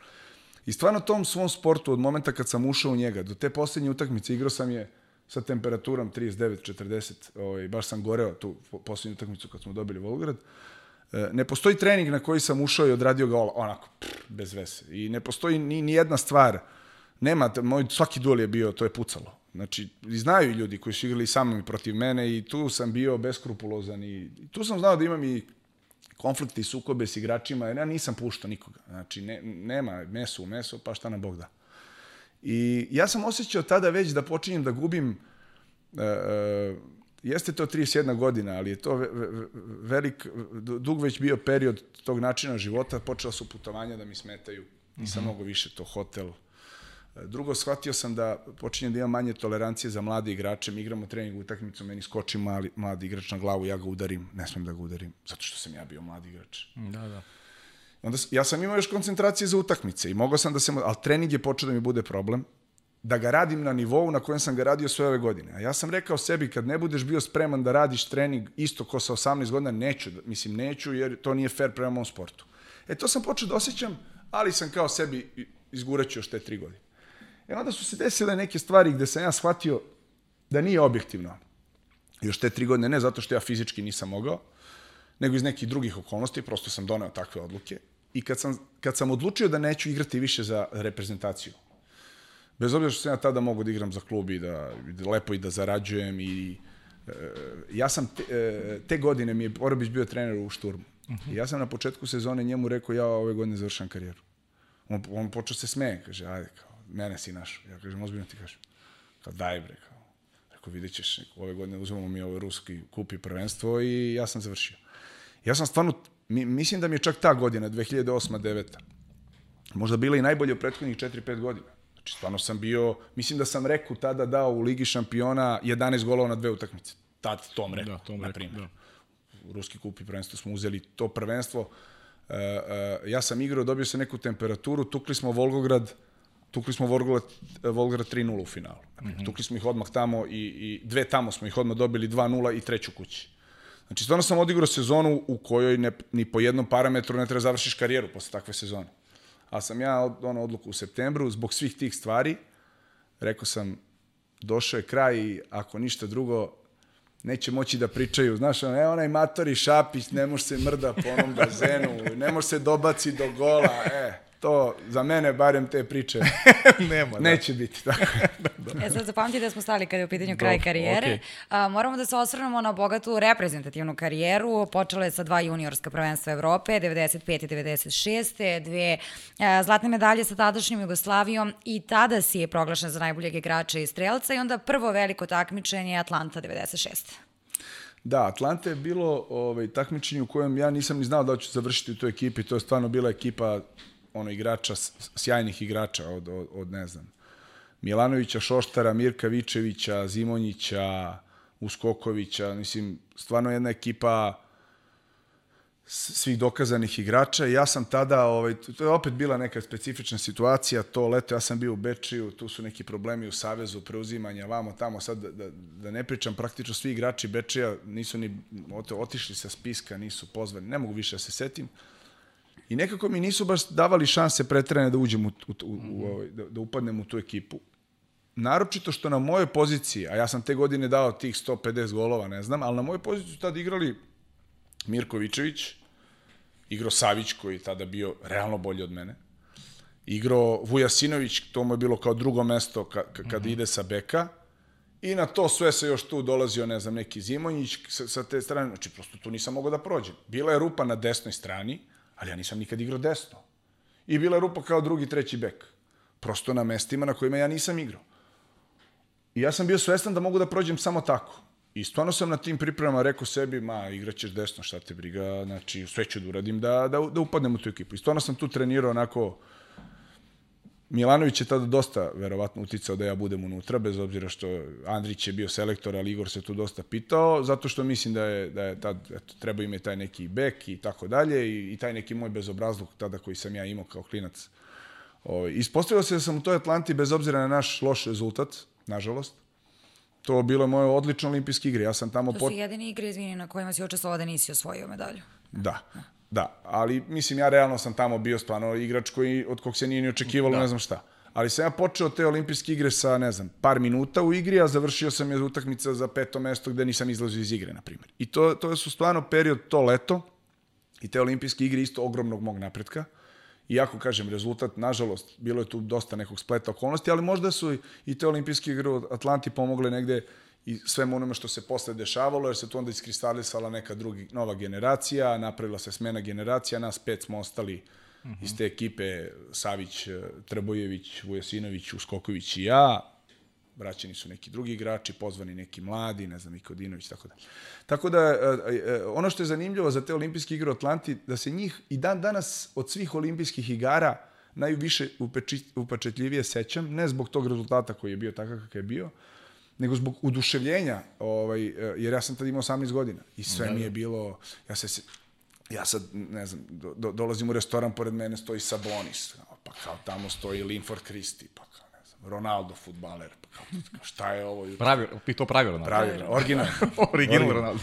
ovaj, I onda je to bilo, prosto, ja to nikad neću zaboraviti, to znaš, sad ideš, gledaš onako ko sebe, sav si izbezumljen si od, od euforije, jer prosto da, to da. su ljudi kojima se ti diviš, gledaš ih na televiziji. I čitav taj događaj u Atlanti je, nikad ga neću zaboraviti. Već posle Sidney, već znaš šta je, ja sam već bio, ušao već u neke zreli igračke godine, tad si fokusiran na svoj rezultat, tad ni ne gledaš ko se šeta pored tebe, da, baš, da, baš da, te briga. Mislim. Naravno. Ali ta Atlanta je bila, evo i dan danas je se sećam, zaista na jedan tako najglamurozniji način, valjda zato što je meni to sve bilo tako glamurozno a onda ide najbolji period tvoje generacije od 2001. do 2000, 2008. godine na velikim takmičenjima redom ste osvajali sve medalje, verujem da si tada najviše uživao. Da, pa do, to je period kad smo eto, usvojili dosta tih medalja, mislim da tu objektivno, mislim, naša generacija imala jedan usud, to je, to je činjenica, bez obzira na sve, a to je, e, znači, jugoslovenski vaterpolo je do 91. godine bio u svakom pogledu dominantan ovaj, e, u okviru svetskog vaterpola. Znači, ne samo igrački, nego i logistički i u svakom drugom pogledu.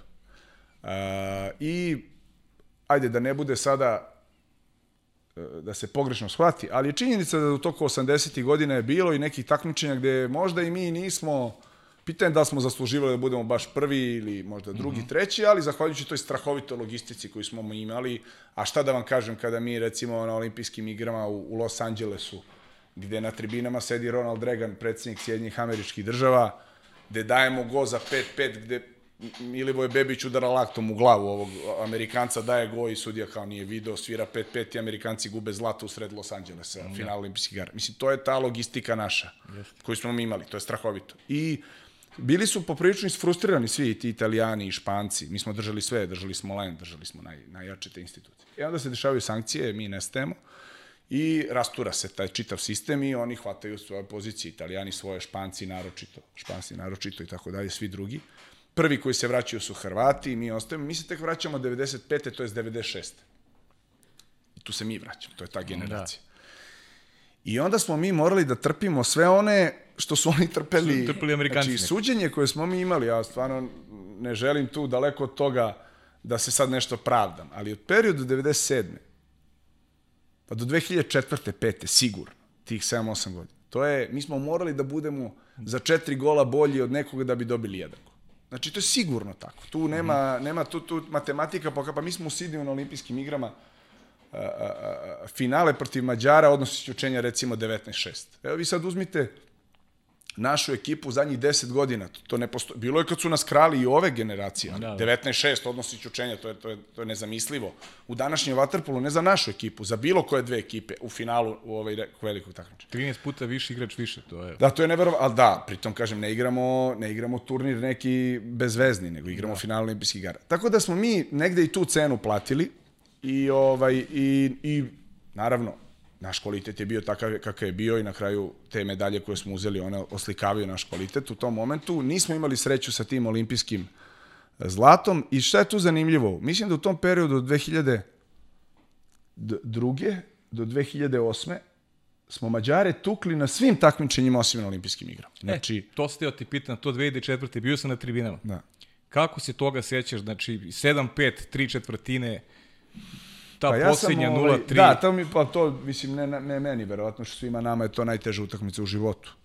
Mi smo poveli 3-0, oni su se vratili 3-3, a tu su ih malo sudije vratili. Ali, mislim, na toj utakmici su nas i najmanje sudije pokrali. To, ne, to je, bi bilo nefer reći. Znači, ono Da. tukli jer su bili bolji. kraju. Ali ima jedan moment koji ja ne, sebi neću nikad za, oprostiti, eto. I to nikad nigde nisam ni rekao, pa nisam imao prilike da kažem. Ovaj, ja sam tada, ja sam išao na kiša stalno. Na, O, Gergelje. Gergelje. Gergelje. Da, mi smo igrali dve utakmice tad zajedno. On je nama dao sedam golova u dve utakmice. Svih sedam je dao kad sam ja bio na klupi. Svih sedam. Ja sam igrao izuzetno tvrdo i agresivno na njega. Izuzetno. I mi smo imali naše duele, ali ja sam, ja sam znao da moram da prelazim tu granicu, jer kada igram tako agresivno, onda on ne može da se koncentriše na ovo i bavi se nekim drugim stvarima. I e, 7-5, ja sam dao go za 7-5. To je bio kraj treće. I ja sam tražio zamenu. Izlazim napolje, ulazi umesto mene Peđa Jokić. I ja tad izlazim, rekao, da sam morao da izađem, mislim, uh -huh. kao ajde da se osvežim, da bi ušao u zadnjoj četvrtini da... I Peđa ulazi umesto mene i oni dobiju igrača više, sećam se. I ovaj, jer taj, mislim da je taj go za 7-6 bio važniji nego onaj za 7-7. Čini mi se da to bio za 7-6 gde Kiš staje na tu stativu, ajde sad da malo pričam terminologijom vaterpolo i ko ne razume od gledalaca, ovaj, oprostit će mi. I sad sam ja, recimo, kad sam bio u igri, sam znao da moram da ga držim ovaj, za glavu i da ne može da se izvuče. Uh -huh. I gotovo. I on, a oni su imali tu akciju kad Kašaš stane gore, onda Biroš povuče levo, Kašaš povuče u sredinu i Kiš se izvuče sa stative. I ja kad bi video gore Kašaša i ovoga, ja ga uvatim za glavu i dole ga držim i ne puštam ga. I to je što je. Tako je. Tako je. I može da se desi da sudija to vidi da me izbaci. Ako ne vidi, on se izvući neće sigurno. I Peđa prosto nije on igrao tu protiv. Peđa je odigrao onako školski što bi odigrao svaki drugi igrao. On je stao iza, on mu se izvuko. Kiš je stvarno u tim godinama, prvo on je čovjek koji ima dva metra, ima ogromne poluge. Da. Se digne iz vode. Da, i on je iz- izlazio, njemu je Kašaš digo tu loptu, on je izleteo na nju i tu nema odbrane. Znači, tu možeš da digneš petoru ruku, tu posle ne možeš nikome više ni da zameriš. Mislim, ja sam zato njega... Ako ga ne držiš za glavu, gotovo. Da, hvala Bogu imao veliku glavu, pa si imao zašto ga uvatiš. ovaj, do duše za kapicu. Za kapicu, Kad ga smotaš pa za dobro, to- kapicu, to. onda ne može se izvući. I, ovaj, I oni daju 7-6 i, i, i ja se vraćam i posle toga nam daju nešto 7-7 i to je završilo kako je završilo. Neću nikad sebi oprostiti taj izlazak i bio je još jedan moment na kraju kad se je lopta završila kod mene zadnjih, e, zadnjih par sekundi, igra, mi smo dobili jednog igrača više. I oni su obično izlazili uvek na mene, na to krilo. I onda s, iz nekog razloga su zablokirali i ostali unutra, usko. Ja sam dobio loptu i stvarno sam imao liniju i, i, i, i otvoren šut. I ja sam krenuo i u tom trenutku, to je neverovatno, bio je, izašlo je posle u žurnalu sni, fotografija, jedna više nikad nisam posle video, žao mi je što je nisam isekao. Ja sam tada čuo zvižduk jedan koji je bio zaista karakterističan sudijski zvižduk kad izbacuje nekoga. To je ono, š, š, š, š, š, da zaustaviš igru. I ja sam krenuo na go i samo sam čuo taj zvižduk.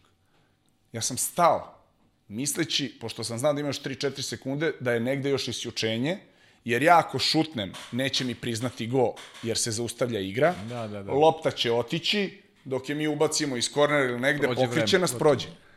Ja sam stao misleći da on dok daje isključenje, ja ću odmah da odigram na tog igrača i da ubacimo ima 3 sekunde, damo go. Ja stajem, znači Mađar je ostao povučen, mislim da je baš bio kiš. Okrećem se ka sudiji, koji je tu bio iznad, a vreme ide sve vreme. I on meni ovako pokaže. Kao, nisam ja svirao. Kako sam se ja vratio nazad, to je već bio nema. Da. To je bio sekund, ja sam šutnuo, lopta otišla preko gola i tako je ta utakmica završila. Mm. E, posle su našli, pošto je, a, bio si na ti... Na Bio sam, ja sam bio Bio onaj visoki bazen, sećaš se da je bio visok bazen? Sećam gore? se, sećam se, se da. Stajao je neki mađar navijač u tom prvom redu visoko, gore praktično u visini sudije, i imao pištaljku onu i on je čovjek, ali ne, ali to, ali to, to je pokazatelj koliko, ti, koliko je ta nacija vaterpolo nacija. Da, on je naravno. znao šta da odsvira čovjek. Pa, naravno, da. Tri sekunde do kraja, gde on mene izbacuje, možda ne bi ja ni dao go, ali bi je barem opalio u normalnim okolnostima, možda bi izvukao produžetke, možda bi se sve to drugačije desilo. Sudbina je htela da mi ne uzmemo to olimpijsko zlato, kao što je posle sudbina htela da je, eto, Dejan Savić, da ga Dejan Savić uzme kao neko ko je vodio praktično tu generaciju koja je nakon nas došla i to je tako život. Ja sam srećan što sam, ovaj, što ipak to olimpijsko zlato relativno brzo došlo kod nas. Pa da. Jer nije, ovaj, eto, dosta tih igrača koji su s nama igrali su ga u stvari osvojili i negde ispravili, ajde da kažemo, nepravdu da ipak tad srpski vaterpolo nije ovaj, E, sad kad si spomenuo Dejana Savića, on je baš bio ovde pre dve nedelje i rekao da je skoro gledao to finale i da je shvatio da je on kriv za osmi gol Mađara. Možda je rekao, kaže, mo, možda će dobijem packe, kaže, od njih, ali gledao sam, Gledao kaže, ja sam kriv za taj osmi Da, ne znam, mislim da je, da je taj gol bio na kraju iz penala, ili ne mogu da se setim, nešto je zaronio, ovaj, Molnar je nešto zaronio, Benedek je tamo. Mislim, to sada ko je kriv, ko nije, nije ni važno. Ali evo, na primjer, Dejan kaže da je on kriv, ja kažem da sam ja kriv za svoje. Znači, svako od nas je u stvari krenuo od sebe i ne može sebi da oprosti neki, neki moment, jer je svakako svako od nas mogao da da tu više, nažalost. Eto, tako ispalo, najbolja namera bila, ali moramo da budemo ipak fair, da ta generacija mađarska, ti godina, ovaj, je pitanje, znači da li su oni ikada, ikada imali u istoriji svoju takvu generaciju, to je bila generacija sa četiri levoruka igrača, gde se ne zna ko, ko je bolji sa zaista jedna fantastična ekipa koja na kraju krajeva mislim da ni oni nisu jesu uzeli oni tri olimpijska zlata ali Vezana. nisu, da, ali nisu evropska svetska prvenstva, znali Nisu, su da, da. završe, tako je da, verova, i mi smo bili jed, razlog tome sigurno jer smo, jer smo osvojili dosta tih zlatnih medalja E, tako da je činjenica da nije to samo naša, ovaj, što bi se reklo, nego jedna stvarno fantastična ekipa protiv koje smo igrali i danas sam stvarno jako srećan što sam eto imao tu sreću o, o, da u tom periodu igram protiv takvih igrača, da se sa njima nadmećem i da i da ovaj eto da na taj način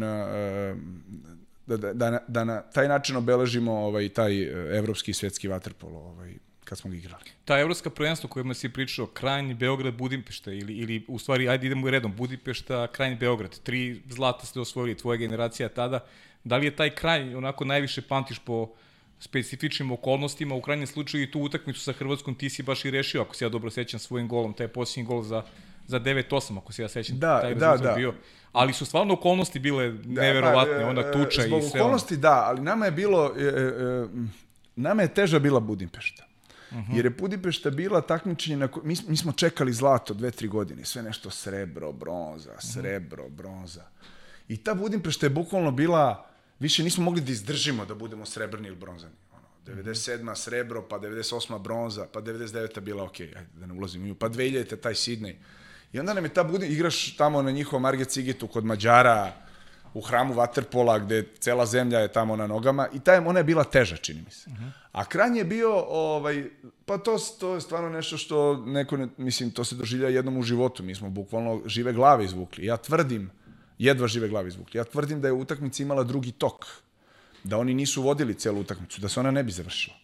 Mislim, to samo mi koji smo bili tamo i, i ti ljudi na tribinama znaju koliko su to bile ratne okolnosti, jer to je taka, uh, toliko su zakazali organizatori da su, oni su pustili bukvalno di- divljake na tribine koji, prvo pitanje da li znaju šta je, šta je Waterpost da, tu došli tako kako su došli. I da Hrvati nisu vodili celu utakmicu. Da je drugačije možda bilo. Siguran sam se ne bi završilo i siguran sam se mi ne bi izvukli, jer mi nismo mogli da se tek tako sa bazena. E onda, kad je krenuo taj haos, mi smo se u tom haosu nekako izvukli. Druga stvar, ja se sećam da smo mi, prvo tada su i ti hrvatski igrači zaista žrtvovali svoju bezbednost da bi nas zaštitili. To je Da. prva stvar. A druga stvar, ja se sećam kad je krenuo taj haos posle utakmice. Mislim, prvo mi smo pre početka utakmice, oni su nas gađali, gađali staklenim flašama. Nama su pucale staklene flaše pored, pored uh, klupe. Znači, ta utakmica je bila zaista toliko ne- u nenormalnim okolnostima i opet smo je okrenuli, ne znam, 7-4 isto je nešto bilo. 7, ja sam dao 7-5, Vlada 7-6, ja 7, ne mogu setim. I taj gol koji smo dali za pobedu je bilo isto, smo dobili nešto igrača više, meni je nešto Zloković gurno loptu, nešto, smo, što smo nešto izmrljali, ne mogu da se setim sad ovaj tačno. Ali je, ovaj, e, e, kad se završila utakmica i kad je krenuo haos, ja znam da smo se mi skupili tamo na bazenu, I mislim da sam im ja rekao, nemojmo da idemo, ako krenu da skaču, mi ulazimo u vodu. Nas 20, mora njih 200 da bude da bi mogli da nam nanesu štetu u vodi. A na suvom, da. na suvom, i mi smo stvarno bili sve vreme uz, u blizu vode, nismo se odvajali od bazena, jer nismo znali kako će, nema policije, nema ničega. To je neverovatno bilo nešto i sreće je da nije bilo žrtava ni, ni sa čije strane. To je stvarno bila utakmica, bila ne ponovila se. Mi smo, ja mislim, napustili bazen kasno u noć, su došle te specijalne jedinice, nas izvuku u hotelu, onda smo u hotelu primili tu medalju. I ona jeste bila najčudnija, ali, ali teža nam je bila, čini mi se da nam je bila teža Budimpešta. Mi već u Kranju onako, ovaj, već mi se čini dobili to malo neko samopouzdanje, pa činjenica smo mogli da okrenemo jedno finale koje si gubio sredinom trećeg, gde oni potpuno drže utakmicu pod kontrolom, da, da smo bili u stanju u tim okolnostima, da je Da, da, okrenemo u jasno. svoju korist, pokazuje već snagu jedne ekipe tada koju smo mi imali. E sad ne možemo da te ne pitamo za svetsko prvenstvo u Montrealu 2005. kada si takođe sa svojim saigračima osvojio zlatnu medalju. Tada je postalo jasno da vam u kolekciji zlata nedostaje samo olimpijsko. Pa Montreal je bio, ovaj, eh, pa to je bio taj period, četvrta, peta eh, godina kad sam ja igrao verovatno najbolji vaterpolo. I šeste sam igrao dobro baš na Evropskom prvenstvu u Beogradu. I eh, te- godine sam ja recimo osvojili smo znači Line Cup, osvojili smo italijansko prvenstvo, osvojili smo svetsku ligu i osvojili smo eh, Montreal svetsko prvenstvo. Ja sam bio najbolji strelac italijanske lige, bio sam proglašen najboljim igračem, mislim, play-offa italijanskog. Bio sam najbolji strelac Len Kupa, osvojili smo Len Kup, osvojili smo italijansko prvenstvo. Bio sam najbolji strelac svetske lige, bio sam proglašen najboljim igračem finalnog turnira svetske lige, osvojili smo svetsko prvenstvo u Montrealu i bio sam proglašen najboljim strelcem i igračem. Ja ne znam da se to ikada, znači na svim takmičenjima te godine kojima sam učestvovao, smo mi bili prvi, ja sam uzeo sve pojedinačne, ovaj, to je stvarno bila godina, takva godina mi se više nikad nije ponovila, ni, ne, ni pre ni posle, i ona je zaista bila tamo u Montrealu, ovaj, i ta atmosfera koja je bila, bilo i naših ljudi, i ta utakmica s Hrvatima u polufinalu koja je bila onako ovaj, fantastična, jer su bili izmešani naši hrvatski navijači, pošto su ih tako pustili, ne znam da je bilo čudno što se ne tuku, ovaj, pošto su obično tukli ono, ovaj, kad smo negdje igrali, i onda su nam rekli, ne, pa kaže, može da se biješ, a to odmah deportuju, kaže, za ovaj, iz zemlje. I onda oni stoje i ne tuku se, da čekaju da se završi posle, pa će možda da se biju.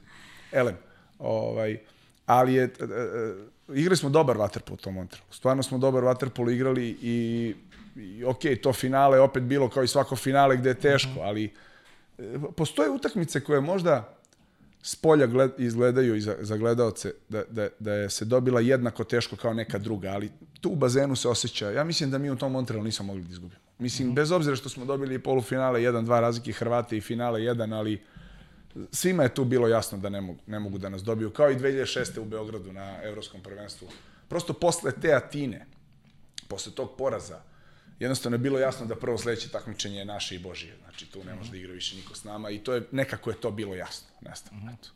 E, sad moram da te pitam neke stvari koje su takođe onako negde obeležile tvoju karijeru, tači provlačio sam malo neke priče kroz medije, verovatno negde ideja onog što si rekao da nije bilo lako sa tobom u pojedinim trenucima, pa a da mi pričaš malo o toj Firenci 99. godine i zašto nije bilo tada na spisku uh, selektora Nikole Stavinića? Pa, nije me bilo, ja i Nikola smo imali problem od početka, zato što jednostavno način na koji je on smatrao da treba prema meni da se obhodi nije bio način na koji sam ja smatrao da treba. Ja nisam nikad imao problem ni treninga, ni, ni bilo čega i mislim da sam uvijek bio jako disciplinovan i slušao sve tre. Ali sam imao malo problem ovaj, tih nekih stvari na koje je Nikola voleo da lomi igrače i sad neki je uspevao da slomi i ja to nisam prihvatao. Sad možda s ove tačke gledišta ne znam. A sa te tačke gledišta mi je bilo neprihvatljivo. da, da, da. Ja sam tada, ovaj, ne znam, da, da neke primere ću dati, ne znam.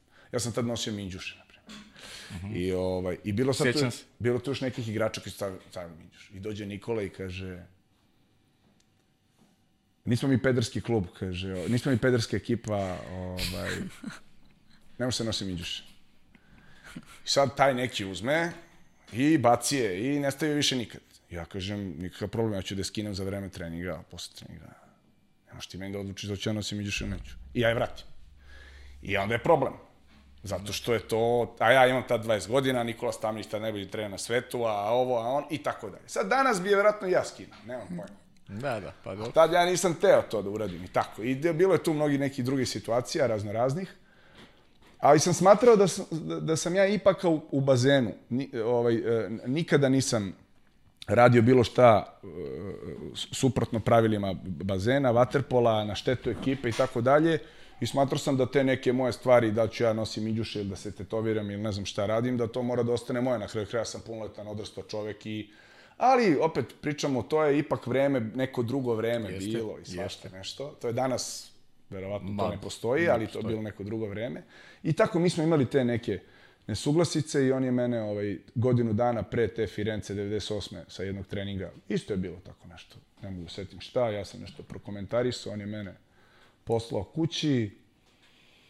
Ne bi sada ja iznosio neke stvari, ja sam tu, bilo je tu neki, da sam ja hteo da se, a reći ću samo ovo, da sam hteo da se vratim za Firencu, mogu sam da se vratim. Aha, okej. Ja nisam hteo da se vratim. Eto, a kako sam mogao se vratim nije ni važno, zato što je- nije, ovaj, puno je prošlo godine i vremena. Ja tad nisam hteo da se vratim zato što sam smatrao da ako treba da igram i da se vratim, da to treba bude, da to ja trebam da budem ja, a ne, samo na mikrofon. a ne zato što je ovaj, a ne zato što se sad tu neko ovaj, napravi neki dogovor, ja na to nisam pristao i vratio sam se 2000. Ali to je bio razlog. Mm Ne kažem, daleko od toga da sam bio ja samo u pravu, ali ne mislim ni da je on bio. Ni, ni dan danas ne mislim da je bio potpuno u pravu, zato što mislim, i evo to će vam danas Savić koji je koji se bavi tim poslom i Vuja Sinić, oni se time bave, ja se ne bavim, e, ne možete da prilazite istom igra, svim igračima na isti način. I to je danas potpuno jasno, ali to je bilo neko drugo vreme gde si ti imao kalup i trener ima svoj kalup i ako se ti ne uklapuš u njegov kalup, on to ne, ne, ne interesuje ga. Nije bitno ni ko si, šta si. Ni ko to- si, ni kako, ni da li ti prija danas, evo, kažem vam, razgovarajte sa njima, oni će vam reći, sa nekim moraš da pričaš, sa, nekog moraš da vičeš, nekog moraš da maziš, s nekim, m, prosto lju, različiti smo ljudi. On Karakteri. nije želeo da se bavi sa mnom, a ja sam isto kao i svaki drug, kako svaki čovjek imao neke svoje specifičnosti i on nije teo prihvati to, ja nisam teo prihvati nešto drugo i tako. eto. I onda si se vratio, kao što si rekao, 2000. Barcelona 2003. Ono polufinale sa italijanima kada ste kažnjeni ti i Savić. Kako ga pamtiš? Priča se da nikada kompletna generacija nije bila toliko frustrirana suđenjem, u tom slučaju Holandjana i Francuza. Nisam ja bio tad ljut na suđenje, ja sam bio ljut na nas ovaj, i to sam ispolio. Mislim, ja sam stvarno malo puta u karijeri gubio na taj način ovaj, uh, potpuno kontrolu. Tad smo izgubili ja i Dejan, ja sam izgubio više, zato sam i dobio par meseci više kazne. ovaj, ali nisam ja bio ljut na sudije. Oni jesu nas tada ovaj, krali koliko su nas krali na svim drugim utakmicama. Ali na toj utakmici smo mi stvarno isto krenuli 3-0 ma nije bilo šanse nas dobiju. I kako, šta se tu sve dešavalo i kako smo mi počeli da pravimo gluposti. I baš sam bio ljut na nas. I onda je došao kraj utakmice kada je ovaj, već bilo e- evidentno da smo izgubili. I ja sam udario Benčevengu tada. Mislim, bez veze sam ga udario. Stvarno nisam trebao da ga udarim i to sam ga udario ispred sudio i on se tu izvrnuo. Ono kako italijani vole da se Da, izvrnu. da. I ovo je mene izbacio. Ja sam izlazio već, nisam mogu ništa ni da gledam. Kako sam ja izlazio, Savić je već dobio tri lične, čini mi se. I već je tamo na klupi nešto skako, ne znam na koga. I kako sam ja izašao, tako je došao Martinez, mislim da se zvao Kubanac delegat, došao je na klupu da smiruje Savića, da smiruje sad sve, mi gubimo i sad ljuti smo na sve žive, a realno smo ljuti na nas. I Savić napada Martineza, sudiju, ja izlazim, ne znam isto šta sudi i kažem i onako nervozan uzimam bade mantil, stavljam na rame i krećem da idem u slačionicu. Još utakmica ono polu traje. U tom momentu se pojavljuje neki čovek koji ide ka meni. Ja tad ne znam ko je taj čovek. Posle sam saznao. Ovaj, I priča mi onako na nekom lošem našem ono kao, ne, moj bat, on ne znam šta je govorio. I on meni tad prilazi i kako on meni prilazi, ja uzmem i bacim ga na tribunu. I odem. I završi se to. I sad, Savić je tamo nastavio pravi svoj haos, ja nisam ni gledao šta je radio, u svakom slučaju, to se tako završilo. I sad mi dolazimo uveče u hotel i sad mi vidimo neka nervoza, tenzija oko nas dvojice, problem, Len, ovo šta ste radili, ja pitan njega šta si ti radio, on kaže tamo s Martinezom, šta si ti radio, pita on mene, ja kažem, nema pojma, nekog sam bacio tamo, ne znam ni ko je. I sad sve to u redu, šta se ispostavlja? Ispostavlja se taj kog sam ja bacio u tribine je tada Markulesku, prvi čovjek Fine, najuticajniji čovjek, ne u vaterpolu, nego u plivanju vaterpolu zajedno. I priča sedam jezika, pa priča malo i srpski. Tu te prevario. Da, i ovaj, i, i to je, to je sad najzanimljivije. I sad ja i Savić, ovaj, sećam se, odmah su nas kaznili da ne možemo da igramo za treće Da, za treće, da, I sad čekamo kaznu. I kažu nama, ne znam, Manolić nam kaže, mora da idete, kaže, kao na malo suđenje. Kako suđenje sad? Kaže, mora da idete tamo, ne znam, gde smo išli taj Monžuik tamo gde su, gde si igrao. ovaj, da, i gore su oni imali neke svoje kancelarije i sad idemo ja i Savić tamo kao da se pokajemo. Kao, nismo hteli. Ja, i ajde, sad ćemo, idemo se pokajemo. Idemo ja i Dejan i ovaj, sećam se, ja sad sedim ispred, on sad ulazi prvi u tu prostoriju. I sad on unutra se, ja sad ne znam šta se dešava, on izlazi napolje i kaže mi, ja kažem, šta je, ko, vidjet ćeš, kaže. On izlazi, ja ulazim, znači, bukvalno ulazim u prostoriju u kojoj stoji onaj dugačak sto kao iz filmova, stoji jedno 60 ljudi, ono, veće staraca nekih. Šta je ono, kao sedi na čelo stola, ja sedim na čelo stola. To sve ovi zvaničici, Len, Fin, svi, on- sedi Marko Lesko tu pored, on. Sad on sve kao Fin, mislim, znam ja šta je problem meni, meni je problem što sam to uradio. I kao, zašto si to uradio? Ja kažem, neću više nikad, majke mi. Nisam hteo. Nisam znao šta radim i tako. Ovaj, ispričao mi to, izađem ja napolje, kaže, Dejan, jesi vidio? Rekao, jesam. Kaže on, ja kad sam ušao, Dejan ušao u tu prostoriju i kad ih je video, on mislio neki sastanak da je pogrešio. Prema tako, ne, ne, ne, ti dođi, dođi, ti, ti tebe čekamo. Elem, nakon toga su oni nama dali, meni devet meseci, njemu šest kazne, zabrane igranja. Sreća je tada naša bila, to je, izvini, Fi- Fin je to bio, Fina, Da. pošto je bilo svetsko prvenstvo. Što se kvalifikovali za, olim- za olimpijske igre. To, ne, to je, to je drugo. E, Prvo takmičenje je bilo sledeće godine Svetska liga, ali da, e, Len je tada bio u sukobu sa Finom I, i Len nije telo da prizna tu ovaj, nije priznavalo tu njihovu odluku. Inače, da su priznali, i ja i on bi izgubili sledeću celu sezonu, što je u tim godinama katastrofalno. I to je bila sreća u nesreći, i, ovaj, što smo igrali ipak normalnu sezonu. Ja, u Italiji smo bojica bili, mislim da je on bio u Firenci. Ja sam tad bio u Savoni, ne znam gde, u Kamolju. I ovaj, tako da je to tako prošlo, samo smo preskočili taj uh, svetsku ligu u Njujorku sledeće godine. Ali je to onako bilo, sećam se, i posle sam ja zapamtio ko je Markulescu. Džaba. Da, džaba, džaba. I on je zapamtio ko si ti. Iz, iz više aspekata. A kaži mi taj Peking 2008. godine. Propustio si utakmicu za treće mesto, doživio si povredu, mediji su pisali u sukobu sa Šefikom, ti si posle demantovao. Ajde sad s ove tačke gledišta. Pa ja, uh, uh, mislim, pričaš? sukoba je bilo, ne, nema Dobro, šta, ja okej. danas, sukoba je bilo, ali nema veze s onim kako je bilo predstavljeno.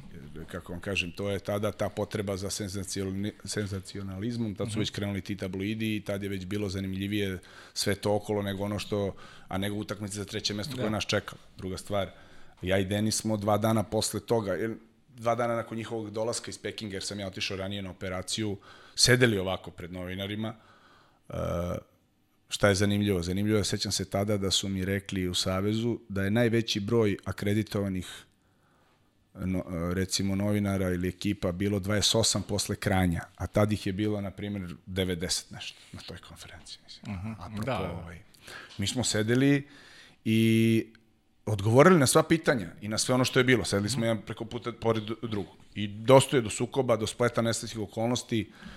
Da li smo se tukli tako kako su oni predstavili? Nismo, pošto ja sam tad imao 105 kila, on 120.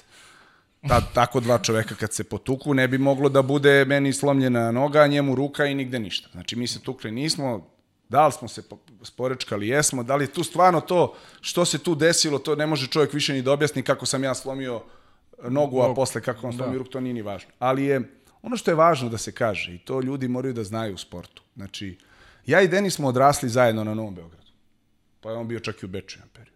Zajedno smo počeli da treniramo na 11. aprilu, pa je on otišao u Partizan i ja ostao u Zvezdi. Pa ja mislim da smo se ja i on potukli jedno 15 puta. Najmanje. Zato što je to normalno u sportu. Da. Zato što bez, ako ti nije stalo, onda se nećeš ni sa kim potući. To ti isto kao u kući.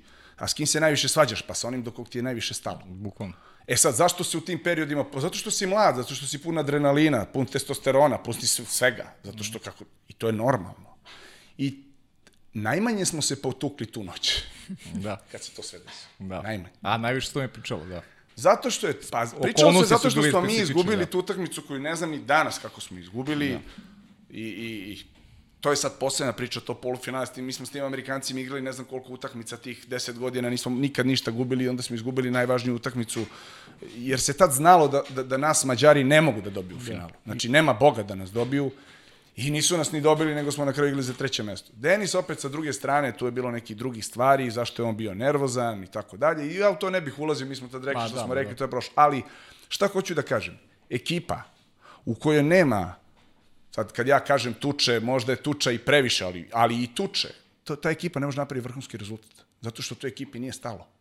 To, za, zato što toj ekipi nije stalo. Pa vi imate Đorđevića i Danilovića 90. godine, 92. kad osvajaju ovaj, kup šampiona, ljudi ne razgovaraju godinu dana. Zato što je to tako, zato što u tim godinama ti prosto imaš, i mi smo imali mnogo sukoba među sobom. Kažem, svi od tih sukoba prođu za jedan, dva dana, ti njemu zameriš, on tebi zameri, nećeš da staneš, nećeš, i tako dalje. Kažem, tada je možda to i najmanje bilo, bilo je neki drugi razlozi su bili.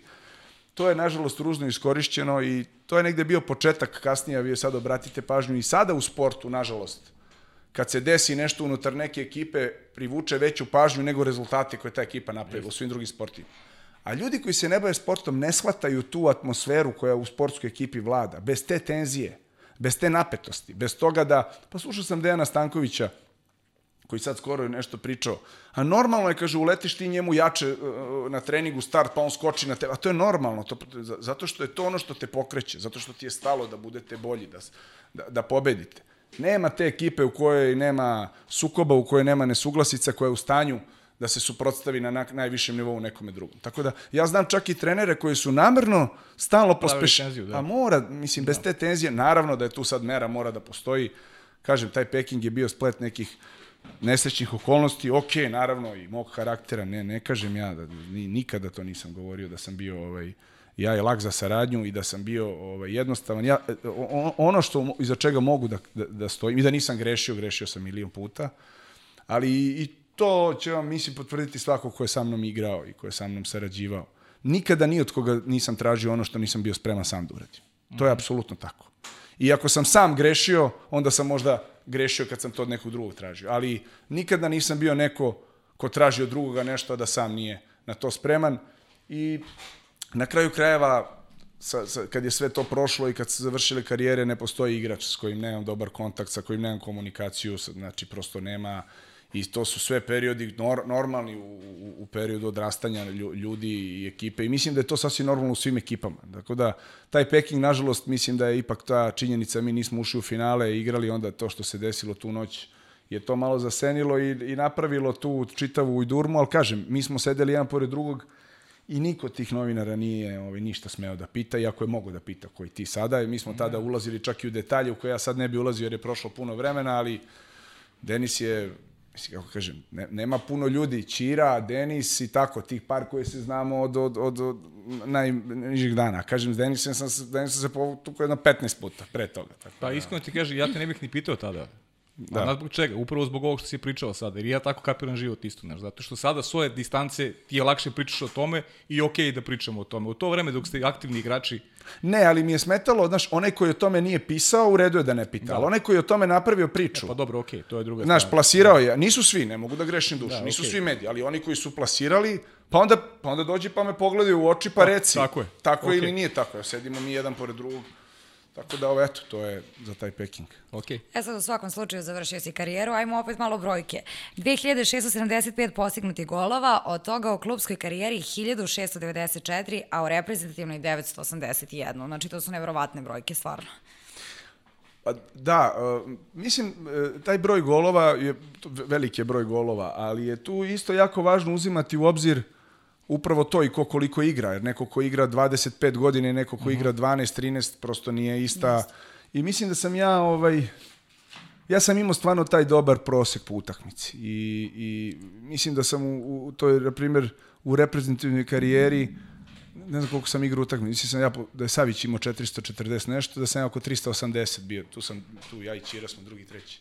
Ali da je to negde prosek dva, preko dva gola po utakmici, što nije lako dati preko dva gola na utakmici na svim utakmicama koje igraš. I, I nekako su ti golovi mene obeležili čitav moj život, ali sam ja zbog tih golova ni jednog trenutka nisam sebi dozvoljavao da druge aspekte igre zanemarim. I upravo ovo što sam ti rekao, da sam ja 96. sa 18 godina ušao u tu ekipu kao odbrambeni igrač i kao neko ko igra na desnoj strani, koji ne daje golove, nego se bavi nekim potpuno drugim zadacima u igri.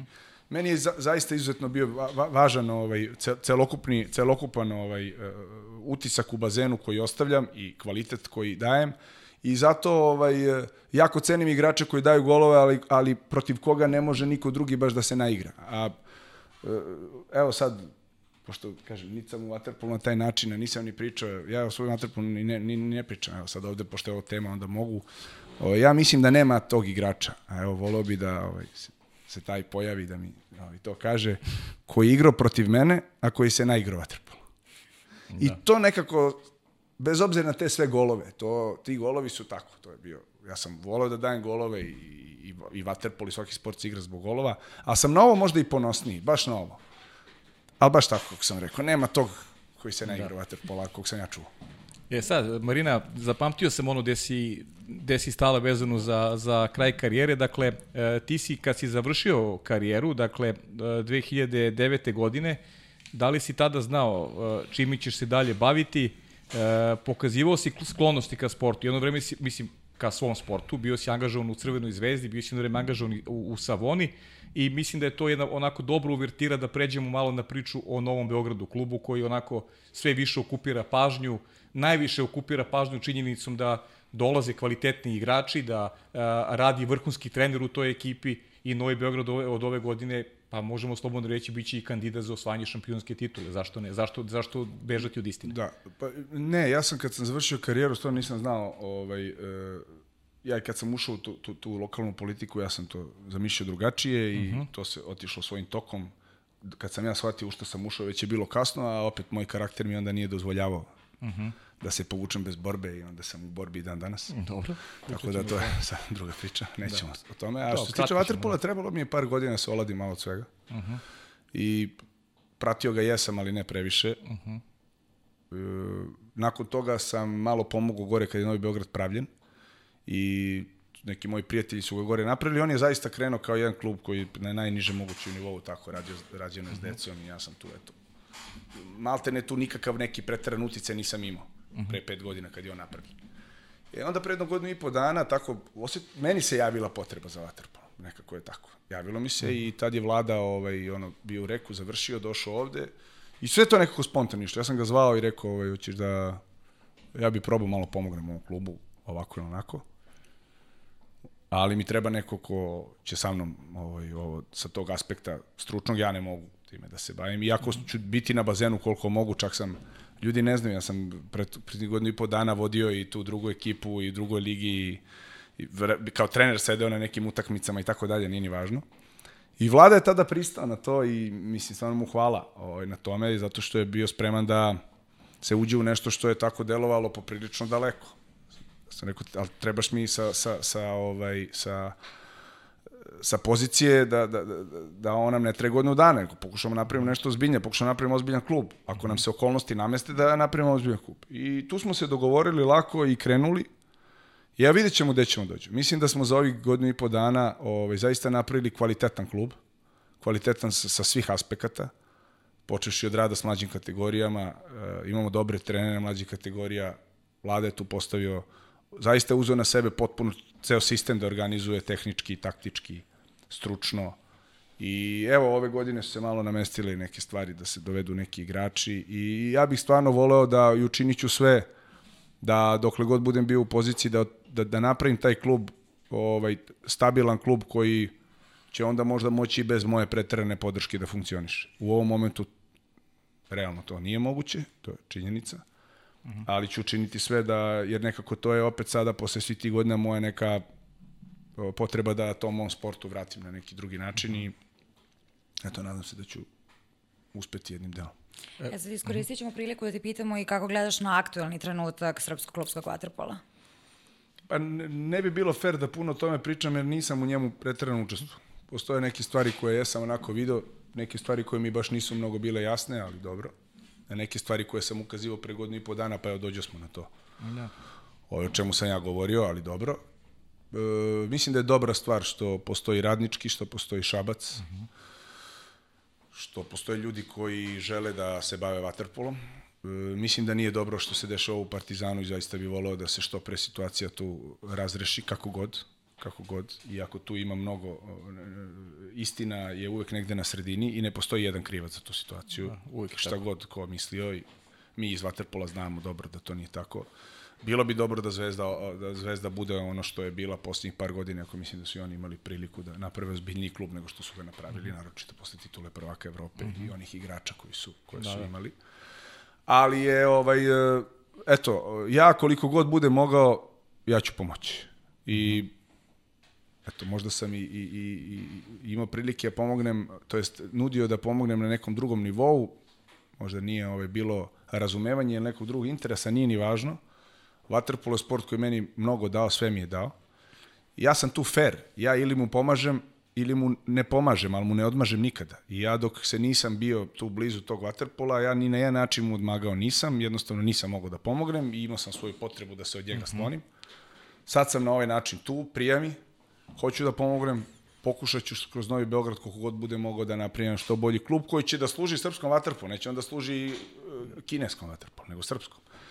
I ukoliko bude mogao da pomognem i, i, i na nekom višem nivou, pomoći ću. Znaš šta mi znam, jedna digresija samo, kad smo kod Novog Beograda, najveće, Beograd, najveće opštine u Beogradu, e, sad si aktivan u klubu, e, imaš podatak koliko dece sada trenira u Novom Beogradu? Ne, nemam te podatke, iskreno mm -hmm. budem, to, to, to ne znam, ali znam da se taj broj povećava Poveć. sada. Kako, Biće nam vlada gost od u septembru, običao je pa... Kako se dobija ovaj, Pa mislim kako dovodite kvalitetnije trenere, kako uh mhm. -huh. pravite rezultate kvalitetnije na, za te mlađe kategorije. Teško je e, klub koji postoji pet godina okay. da, da imaš ka, kategoriju, ne znam, momaka od 12-13 kvalitetnu kad su oni već po dru, drugim klubovima i mi imamo tu dobru, mislim, tu generaciju 2008 koja je dobra, koja je počela kod nas pre pet godina. Uh mhm. -huh. Ali Koliko ja znam, nisam sad zadnjih par meseci gore ni na bazen baš išao zbog mhm. -huh. drugih stvari, imao sam ove druge još ove obaveze i tako, ali nadam se da će od septembra opet stići po ove gore da odem i da će to da krene i drago mi je što su mislim da ipak ove godine će biti jedan nivo waterpola dosta kvalitetan. Mislim da je važno da se razvija srpska liga. Uh, I da, i da, Srps, da, da ja jesam uvek za sva druga takmičenja, ali ne može da bude prioritet bilo koja druga liga pre nego Srpska. I ima potencijala ovde, vi imamo, evo, imamo Šabac, imamo Kragovac, imamo Novi Sad, pa imamo i Suboticu, pa imamo i Beograd, pa može tu da se dođeš do nekih centara. Mislim da ovaj, ukoliko se ne bude radilo na tim mlađim igračima, neće ni reprezentacija moći e, večno da na kraju krajeva tu se već pokazuju neki neke potencijalne šupljine koje pitanje kako ćemo ih mhm. popuniti. To Dejan i Vlada bolje znaju od mene, pošto su oni u tome, ovaj, a to je problem tog kvalitetnih utakmica u domaćim prvenstvima, pa vi, ja to nisam znao pre godinu i po dana ili dve godine. To je neka neverovatna cifra naših igrača koji igraju po inostranstvu. Uh -huh. Ne znam da u Mađarskoj 23 igrača igralo, pa ne znam, po Italiji nekim drugim ligama, po Jeste. ne znam, Francuskoj, to, to je neverovatan broj ljudi koji igraju u inostranstvu. Znači, Bilo bi dobro da jedan broj tih ljudi ipak bude ovde, normalno da imaju uslove ovaj, zahvaljujući kojim će moći da igraju i da, i da se ovde ovaj, igra i da se trenira ovaj, dobar i kvalitetan vaterpol. Ja sam srećan što je Dejan tu, srećan sam što je Vlada sad, što smo zajedno ovde u, kroz ovaj klub i eto negde sad se mi tu skupljamo se na taj neki malo kao, kao već sad starci na drugi način. da, da. drugi način. Prije nego što krenemo na glumačku karijeru, Dobro. ovaj, samo ću te pitati kada gledaš reprezentaciju, da li, ti se, da li si se više nervirao dok si igrao ili sada gledaš uh, Savićevu ekipu? kad igraš ne možeš da se nerviraš. Tu nema, Nemaš kad. nerviraš se posle. Da. A kad gledaš, onda se nerviraš ko što, pošto si navijač. I onda ti je teško, jer ne, sve nešto misliš ti bi bolje, a ne bi bolje. Kako bi bolje, nego to ti je koji što kad gledaš futbol pa misliš ti bi bolje kad yes, bi tamo utrčao. Tako i ovaj tako da mislim da se nerviram kao i svaki navijač. Ovaj kad gleda navijački uvek je teško gledati. Mada, mada me kad sam bio igrač uvek ovaj mi je smetala ta teza e, koliko sam se iznervirao dok sam, se, dok sam vas gledao. Pa ispade sad nama koji gledamo gore nego njima koji su igrali ili ne da Bože kad izgubi. Tako da njima je uvek najteže i te ljude treba razumeti i ja ih razumem jer sam to sve prošao, navijam za njih, srećan sam zbog svih rezultata koji su postigli i nadam se da će ipak srpski vaterpolo jako neće biti lako baš zbog svih ovih stvari mm -hmm. uspeti da održi ovaj ne mora uvek da bude prvo mesto i zlato, ali da ostane u samom vrhu, to je izuzetno bitno jer tradicija srpskog vaterpola ovaj, mora da se nastavi. Idemo na film. Kad porastim biću Kengur, 2004. godina postoje kultni film, tad si ti bio na vrhuncu karijere, Aj reci nam malo, kako se uopšte dogodilo da, da, da, uđeš u te glumačke vode? Pa sad ne znam baš koliko sam ušao u glumačke vode. Pa dobro, da tada, kaže, o, ispašće da sam, ovaj, kao da sam Leonardo DiCaprio. Ovaj. A ja snimio pet minuta.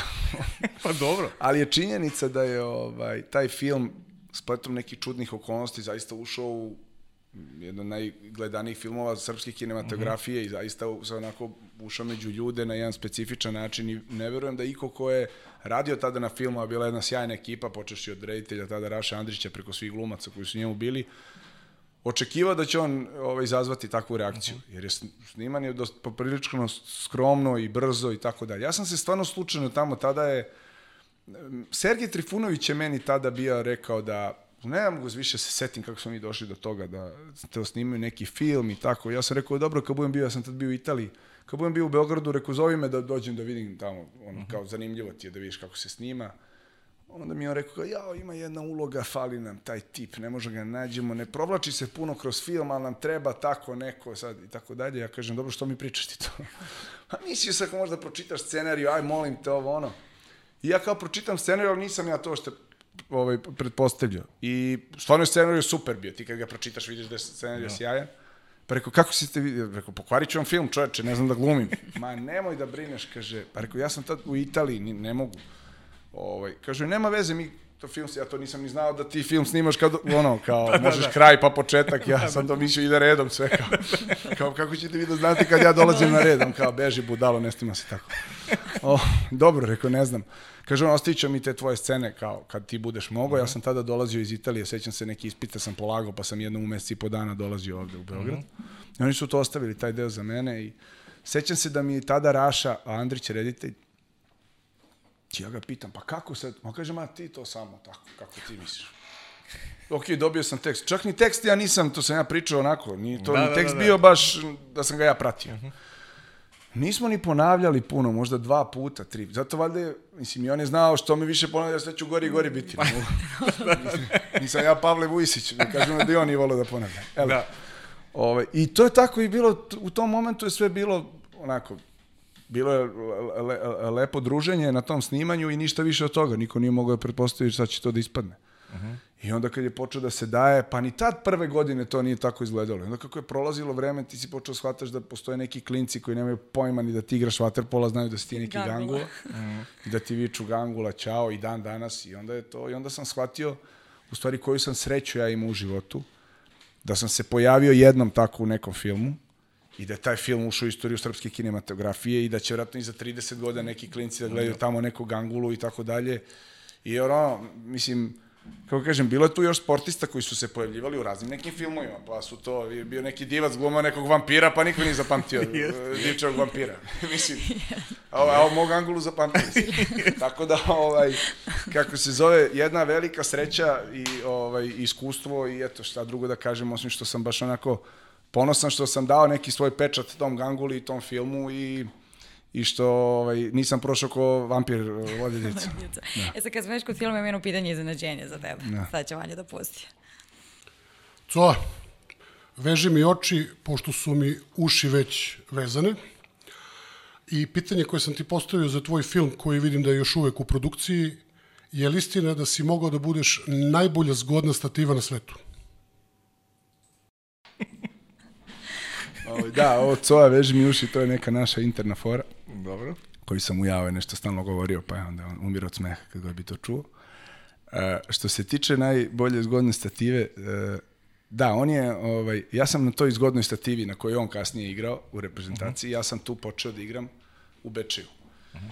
I stvarno sam imao tu do, do, do, to neko izvlačenje ovaj, ja sam možda među prvima krenuo to nešto sad ajde termini vaterpolo preko nogu da se izbacujem gore i ovaj i onda sam kretao na tu loptu dakle sam je zakucavao i baš je ovaj bio mislim st- stvarno tu kad mi izleti dobro lopta kad mi se tu digne je bilo teško zabraniti imao sam jako sam se na nogama izvlačio ali nisam voleo da igram ja stativu. Zašto nisam voleo? Zato što sam tu onda zavisio od toga da će ovaj da mi baci ili neće. A ja sam voleo tamo da kad da zavisi od mene da ću ja da šutnem ili neću da šutnem. I onda sam ja bežao s te stative, stalno. Uh -huh. Iako sam stvarno bio dobar na onda je Savić nekako ušao na tu stativu, ne znam zbog čega. Iako on nije imao to izvlačenje gore, ali od, od, on je neki drugi svoj, ovaj, dao, dao, dao to neki drugi kvalitet. Ali mi je stalno govorio to. I ovaj, znam kad sam, skoro smo se nešto videli, onda mi je tražio ovaj, to kao kako, valjda zbog tih igrača koji mi pokazuju i tako dalje, to izvlačenje. I zato on kaže najbolja zgodna stativa na svetu, zato što sam ovaj, stvarno imao taj, ne, to neko kretnje sa te stative, koje na, danas je to, to se podrazumeva, to danas rade ovaj, to danas rade mnogi igrači, ali tada pre 20, koliko to sad već ima, 20 godina i više, to stvarno tada nije bilo karakterističan taj, taj, taj, taj pokret preko nogu i ovaj, eto, to je. A da spomenemo i ples uh, sa zvezdama. Ples sa zvezdama je bio, da, uh, pa razlog zašto sam ja ušao tada u taj show je bio tada humanitarna fondacija koju sam ja tada tek osnovao. Pričat ćemo o tome, da. I uh, taj je bio jedan specifičan period u mom životu. Ja sam tad dobio sina, Maksima, to je 2013 tada baš, ako se sećate, bila jedna velika akcija za dete, malu Tijanu, veliki mm -hmm. novac se skupio, nažalost to dete je preminulo, u Americi nije uspela da, da se izleči, onda su se otvorile ovde afere, da li su pare otišle ovamo ili onamo, pa su počeli da napadaju njene roditelje i tako, to je meni sve bilo mučno, ja sam bio jako osetljiv tada, valjda zato što sam dobio dete svoje. I nekako nisam prosto mogao da verujem da, da, da u srpskom društvu ne postoji barem jedna stvar koju ne dovodimo u pitanje. Je moguće da, da kao ni humanitarni rad i to moramo da, da, da, da, da kao da li je neko nešto muljo. I tad, tad sam imao ideju da napravim jednu fondaciju koja će, ko, koju niko neće dovoditi u pitanje. Način na koji ona mm. funkcioniše, koja će biti lako dostupna svima, koja će biti dati svu moguću logistiku u skupljanju novca, koja će sve te prepreke koje su tada delovale, da li privatni račun, da li ovo, da li roditelj, da li ne roditelj, kome novac, kako to. I da tu probam da skratim priču, od tad se pojavila taj, taj uh, ples sa, sa zvezdama, ako se tako zvao taj show, Jeste. i uh, Oni su rekli da to on ceo humanitarnog karaktera i da će posle svake epizode da daju da se ide novac u humanitarne svrhe. Ja sam to tada ovaj shvatio da je to dobra prilika da pokažem svima, to jest da pokažem svima koliko je meni u stvari stalo do te fondacije. Jer ja o plesu nemam pojma. Nisam u životu, znači ni u diskoteci dva koraka napravio. Isto ako ti je lakše. A, eto. Isto ako ti je lakše. I, I prvo ples je jedna sjajna stvar, ali on mene ne interesuje. Znači, to ne znači da je on uopšte prelepa stvar, ali mene ples ne interesuje, ko što neke ljude ne interesuje sport. E sada, Ja sam tada želeo da pokažem da i nešto što te ne interesuje i nešto za što nemaš ovaj, nikakvih afiniteta i, i, i, ili bilo kog druge mm -hmm. vrste za, za, za animacije, da možeš da to kad imaš viši cilj, kao što je meni bilo tada promocija te fondacije, da pokažem ljudima. I ja sam tada stvarno vežbao sa tom devojkom koja je bila profesionalna igračica, mi smo vežbali po par sati dnevno, to je bilo izuzetno naporno, imali smo samo par dana da pripremimo to. I ja sam u svakoj toj epizodi govorio o toj fondaciji, o fondaciji, o fondaciji, o fondaciji i nekako sam probio tada taj medijski tu o mhm. fondaciji da se, da se malo na nju obrati pažnja i svim onim što se dešavalo. Danas humanitarna fondacija Budi Human je najveća fondacija ove vrste u svetu, ali apsolutno u svetu. Ona, mi, kroz, naš, kroz nas je prošlo i prolazi preko 22 miliona eura na stotine dece i odrasle kojima smo pomogli. Svakim danom pomažemo Evo i sad mislim da imaju, a, ovaj, ima mnogo akcija, ali sad je opet aktualna akcija za ovu malu lanu, koja se ogroman novac skuplja, jer je za ovu Sofiju skupljen pre par dana. Ovaj, 2,5 miliona evra u pitanju. I ona je, uh, uh, se, mi smo ovde pričali sad sat i po, više ne znam ni koliko smo pričali, te o karijeri, te o, nisam pričao o toj mojoj politici, nije ni važno, ali uh, najveća stvar u mom životu koju sam ja uradio, to je ta fondacija. I jer moje životno delo je ta fondacija. Ovo sve, kako kažem, ovde sam zabavljao ljude tamo, takmičio se. Ovo je jedna potpuno druga dimenzija i e, kada bih na kraju morao da kažem jednu najvažniju stvar u mom životu koju sam ja uradio, to je ta fondacija i ona će zauvek da bude.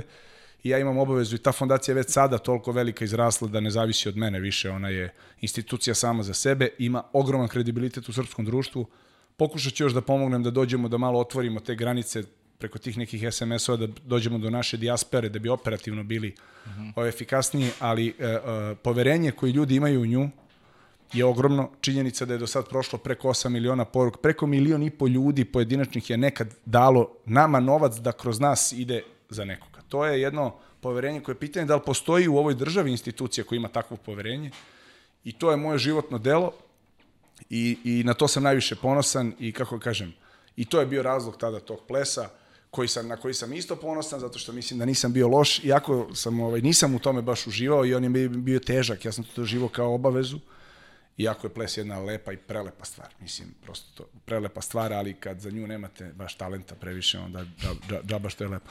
E, ubrzat ćemo se malo, da. dva sata smo već, Evo vidiš. dva sata smo već, e, moram ti kažem nešto, stvarno imam veliko poštovanje, imaš i podršku i sa moje strane vezano za, za fondaciju, a nas zbog čega? Jer znam neke korisnike tvoje fondacije, već godinama unazad, znam šta si uradio 2016. godine, da si priložio i svoje medalje u, u, na, na, na aukcijsku prodaju i da si sav, da si sav novac od te prodaje, od te medalje uplaćen za lečenje i terapije i samo ti želim da nastaviš kad su te stvari u pitanju, jer stvarno, kažem, poznajem ljude koji su u, koji su u fondaciji, koji su korisnici fondacije i koji, ovaj, zahvaljujući tebi su uspeli da, eto, da, da kažem, te neke životne probleme e, nažalost rešavaju na taj način i da ih reše na taj način. To znam neke primere koji su eto uspešno i završeni, što je zaista onako, kažem, Hvala. imaš ogromno poštovanje za to.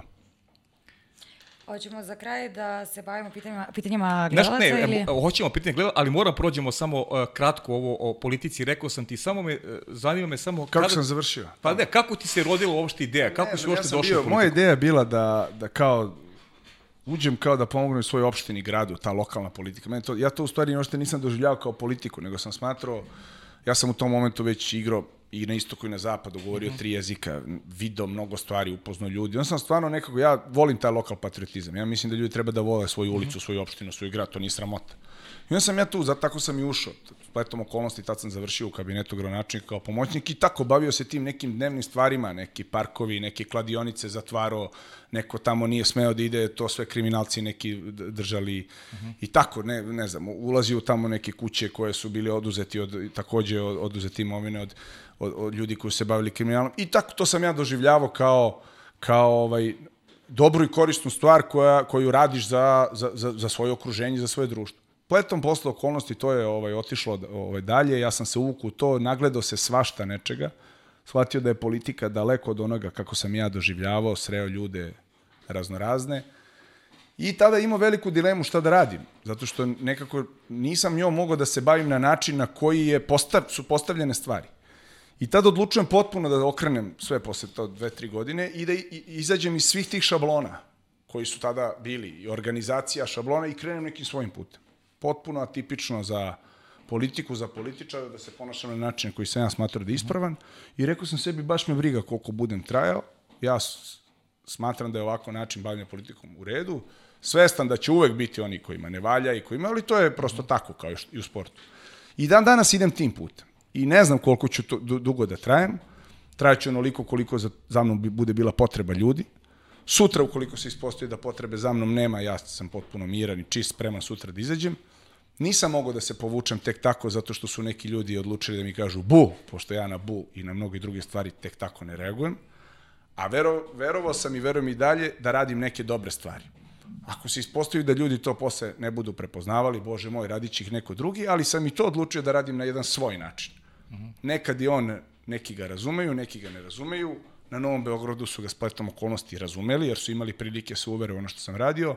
Da li ću ja to podići na neki viši nivo, da li će priliku da vide na koji način ja funkcioniš imati ljudi u celoj zemlji, to će vreme da pokaže i ne bi zaista, i ova emisija treba da ostane lepa i ne treba se bavi e, e, politikom, jer za politiku se uglavnom vezuju ružne stvari, ali dokle god budemo dozvoljavali, tu ću završiti u politici, da se politikom bave ljudi koji ni po čemu ni, ni po čemu sebe ne mogu da preporuče, ništa nemaju iza sebe što bi mogli da daju. I što, je, što, što im je jedina referentna vrednost da ništa nije drugo znao da radi, pa kao eto daj ga tamo, e dotle će poli, za politiku da se vezuju upravo te ružne stvari. No.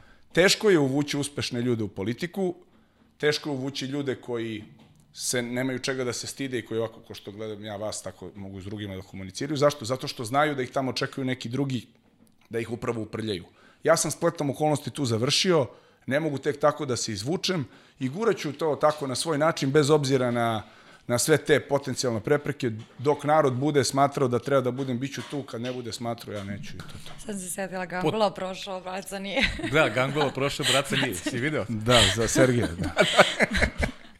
ali se, ali se slažem ovo što si rekao, potpisujem sve. Zato, zato te ne pitam ništa više. Vezano za ljude koji se bave politikom. Da. Apsolutno potpisujem. da eto. Jel možemo mi na pitanje gledalaca? E, pa na, To je najzanimljiviji e, slušaj, nama deo. pitali bi, još bi te stvari pitali, veruj mi. Ali ajde neka ostane da mi obećaš da ćeš još neki put doći kod nas. hoću. E, super, Hoću. super. Mi najviše volimo nama gledalci na Instagramu, stalno pa video si šalju poruke i ajde da imamo neka blic pitanja. Vujketa 96, ko je najbolji vaterpolista s kojim je igrao dok je nastupao u reprezentaciji? A, to, ne, to mi je teško. Mislim, stvarno u mojoj ekipi bilo par igrača s kojima sam, koji su obeležili moje, moje, moje odrastanje, moj život i, i to sigurno ne znam, Ujasinović, Savić, Ćirić, Vlada Gojković je sjajan igrač, znači, ne znam, Vikodinović, mislim, cela ta generacija s kojom, sam, s kojom smo svašta prošli, Trbojević, ne, ne bih mogao ne bih mogao jednog da izvojem, eto iskreno. Ok. E, Waterpolo legende sajt pita kako vidiš budućnost srpskog waterpola. Možeš ukratko. Pa nadam se, nadam se da će budućnost da bude svetla u svakom slučaju. Sada, da li je e, srpski vaterpolo poslednjih godina postavio visoke standarde, mi moramo budemo svesni da, da to nije lako držati, ali ja verujem da da će ovaj srpski vaterpolo ipak da se zadrži na jednom visokom evropskom i svetskom nivou. Filip Noković pita da li je istina da si na dan utakmica radio teretanu? Ne. Dragan Bajko, da li ostaje žal za neosvojenim olimpijskim zlatom? To smo već pričali, naravno, ostaje, naravno. A, Radunković 99, koji je način ishrane jednog vaterpolista i da li se razlikuje od drugih sportista? Pa ja mislim da suštinski ne, to je, još u naše vreme se toliko nije ni vodilo baš u računu ishrani danas je to sastavni deo jednog trenažnog procesa, morate da pazite. Ja se sad baš najbolje ne razumem, ali mislim da sve ono što jedu drugi sportisti na šta moraju da obrate pažnju, da je isti stvari sa vatrpom. Jovanović 10, da li bi mogao da izdvoji tri najlepša gola koje je postigao? Ne znam, ja sam voleo svaki moj gol. I ne, meni, ma ne, stvarno, ja, okay. meni uopšte nije bilo važno da li je lep, meni je važno da bude gol. Da, da. Okay. A, Leska 003 je pitao o stanju Vaterpolo kluba Novi Beograd, o tome smo pričali. Da. Ajmo Calić, sa kojim igračima iz reprezentacije si ostao najbolji? Opet i Pa ovo, kažem, imam Ma da, komunikaciju to. sa svima, evo, zaista svima, i sa Dejanom, i sa Vladom, i sa, i sa Ćirom, i sad ima neki, ne znam, Petar živi u Španiji, na primjer, sad on, Trbojević, pa Trbojević, ne da. znam, sa Denisom se isto čujem, mislim, ne, ne, nisam, zaista, sa, sa svima imam komunikaciju, ali ne mogu da kažem, sa Vladom sam najintenzivniji posljednji period zbog bazena i tako, ali ne, nemam sada, zaista nisam, ovaj, Ne, Nexis pita da li je došao kraj ere našeg vladanja Vatrpola ili ćemo opet harati svetom. Ma ne, nije došao sigurno kraj ere, ali, ali teško je ponoviti tih 4-5 godina kakve su se desile, mm -hmm. gde smo na svim takmičenjima osvajali zlata. Logično. to je logično i kada bi se to tako lako ponavljalo, onda se ne bi ni zvala era, nego bi bio standard. Ono. Tako, tako da ja mislim da ovaj, e, da će srpski vaterpolo ostati u vrhu nekad više, nekad manje i da je to jednostavno ovaj objektivno i realno i da ne treba ni budućim generacijama nabijati bilo koju vrstu pritiska tog rezultata. Okay. A, Vuk 11, kako ti je izgledala priprema za utakmicu kao individu i koga, najvi, koga si najviše analizirao? Pa i svako od nas ima, sportisti su sujeverni jako i svako od nas onda ima neke svoje rituale pred utakmicu i ove, neko, jedan ovo, jedan ono i tako. To, gde, kad bi neko gledao sa strane, onako činilo mu se da je to kao brod ludaka koji svako nešto svoje radi. Naročito te neke male ovaj, stvari pred utakmicu. Tako da analizu smo radili od utakmice do utakmice i svako je imao, pored analize koja se radi zvanično, koju radi trener i, i, i stručni štab, svaki od igrača se posebno sprema za one igrače preko puta sebe, jer smo mi znali ko su ta dva, tri igrača s kojim ćemo biti najviše u duelima. Tako da. Filip pita mišljenje o Vanju Dovičiću.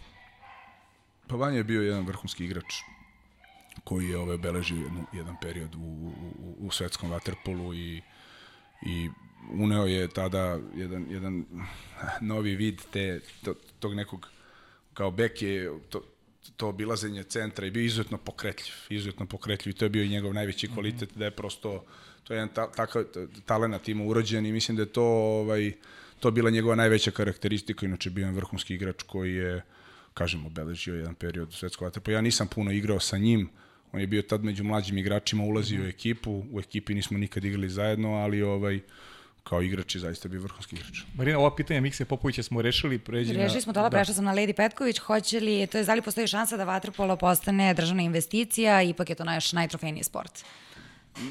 To ne znam, ali ono što ja mislim da, da bi da bi trebalo uraditi stvari koje su recimo uradili Mađari, a to nema veze s Waterpolom, to ima veze sa odlukom da se da se donese jedan kvalitetan zakon o sportu u kojem će se to neće biti to ne bi bilo lako recimo, ali da se izađe da se kaže da postoje prosto sportovi koji e, imaju prioritet u odnosu na neke druge. A kako smo došli do njih? Pa na osnovu rezultata, na osnovu onoga što podneblja gde se igra, kako vam kažem, postoje zemlje u kojima se neki sportovi igraju, neki ne igraju, neki imaju tradiciju, neki nemaju tradiciju, neki imaju rezultate, neki nemaju. Mađari su recimo to uradili i tako su rešili problem finansiranja svojih nacionalnih sportova za koji su oni opredelili, napravili su jasne tabele na, na osnovu kojih jedan sport upada ili ispada iz te kategorije, dali su olakšice ovaj, uh, svojim privrednicima koji kada ulažu kako im se poreske olakšice i tako dalje. Sad, zašto se to kod nas nije radilo, zaista ne znam. Ovaj, eto, volao bih da kogod se bude bavio sportom u ovoj zemlji da na to obrati pažnju, zato što je to jedini način, ne postoji ne postoji sport koji je profitabilan na svetu osim futbala, ne računimo ove profesionalne gore NH, a, a, a, američki futbal, košarku i tako dalje, a futbal ni u Srbiji nije profitabilan. E ovde je sad samo odluka, hoćemo da, se, da imamo sport ili nećemo, pošto ako je Ako se postavimo da je sve što je na tržištu, onda će da nas ugase svi sportovi. Jasne. Ja mislim da je za jednu državu jako važno da ima sport, i opšti sport, i omladinski sport, i profesionalni sport. E sad, to je sad stvar odluke države i mislim da ovaj, ne samo vaterpolo, da mislim da, da ima par sportova koji treba da se stavi poseban akcenat, zato što to jednostavno oni su svojim rezultatima ovaj, u, u, u godinama iza nas zaslužili. Naš kolega Ozmo Saša ima interesantno pitanje. Kad je to Ljubica bila sa kengurom? Da, ne, da, ljubica iz onog filma. E pa ne mogu da vam kažem sam. Prava, pravi muškarac o tome ne priča. E, do, e dobro, okej, okay, okej. Okay. Imamo još jedno pitanje koje smo dodatno ubacili kod tebe. A da, e, da, Ilić pita kom golmanu je bilo najteže da postigne gol, odnosno koje golmane najbolje čitao? E, imao sam problem sa ovim Mađarom, Seči. E, A, Seči. Da, zato što je on bio jedan potpuno golman koji... Ja kad god sam šutno neki glup šut koji mi je ispao, ja sam dao gol njemu. Zato što je on bio potpuno nepredvidiv. A kad god sam šutirao imao utisak da ga sigurno dajem, on je uspeo da izvuče, zato što je branio suprotno tim nekim pravilima, potpuno imao položaj tela čudan i, i mislim da je on bio jedan od velikih razloga mađarskih dobrih rezultata, pošto ti nisi znao kako za njega da se spremiš. Bio je potpuno nepredvidiv, jer ja sam recimo dobar bio protiv školskih golmana. Znači školski golman koji brani ono što brani, ja tu znam gde on ide. Ovo je bio žargonski rečeno divljak i takav divljak je ovaj zaista do, doveo Mađarsku do najvećih rezultata jer ti nikad nisi znao koju će on ruku da izvuče, kako, šta. Baš sam, sa njim sam imao najveći problem. I za kraj Aleksandra Osaljević, da li je teže biti uspešan sportista, biznismen ili političar? Sve je teško. U životu je teško biti i uspešan poslastičar ako hoćete tim ozbiljno se bavite, tako da ne postoji taj posao na svetu, niti bi ga ja tako delio ili neki pri, ovaj, privilegovao, a drugi omalovažavao. Ako hoćete da se dosledno, uh, uspešno bavite bilo čim i ovim vašim poslom koji se vi bavite, ako hoćete ga bavite kvalitetno, to nije lako i složit ćete se s tim. Tako da tu ne bih pravio razliku ovaj, i, i uvek ću podržati ljude koji su posvećeni svom poslu, a onaj ko je posvećen, taj vam nikad neće reći da je lako. Svaki posao je dovoljno težak, važno je da ga volite, a onda ako ste posvećeni i volite ga, onda će i rezultat doći. Eto, toliko pitanja imamo, ali moramo da se zaustavimo pa, već. Može da samo da ti čestitamo i Maksimu rođendana, da ti poželimo tvoje porodici sve najbolje, Hvala. da ti se zahvalimo što si došao i obećao si da ćeš doći ponovo. Znači. Vlada Vujsinović doći u septembru pa ćemo opet Eto. pričati malo o Novom Beogradu, a ukazat će se prilika kad malo prođe vreme da obradimo neke teme koje nismo, a verujem da će biti još materijala pre svega kada pričam o Novom Beogradu i želim ti da ostaneš uz Vaterpolo, da budeš uz Vaterpolo, jer i, eto, i neki cilj ove naše emisije da popularišemo Vaterpolo kao najtrofejniji sport ovde i kao šta da kažem, mnogo mi je drago da si bio. Hvala, nisam, ovaj, pa 12 godina nisam ovoliko o Waterpolu pričao u ovako kratkom periodu, tako da ste, ovaj, eto, i meni je bilo zadovoljstvo da pričamo o stvarima koje, ovaj, kojima to nisam imao prilike. Ja ću ti se evo zahvaliti još jednom i za sam kraj da najavimo našeg sledećeg gosta. Mislim da je on najbolji kao sledeći... Pa posle Aleksandra Šapića, Šapića Aleksandar Ćirić. Ćirić. U stvari, po brojevima prvo je bio Ćirić pa Šapić, a sada smo misli napravili, ono, prvo je Šapić pa onda Ćirić, ali svakako nas čeka još jedna zanimljiva epizoda. Objavit ćemo kada postavljate pitanje tamo od nedelje i Tako Eto, je. radujem se još jednom lepom vaterpolu druženju. Tako je, kao što ste čuli, Aleksandar Ćirić sa nama sledećeg četvrtka. Šaljite nam pitanja i hvala vam na pažnji i prijetno.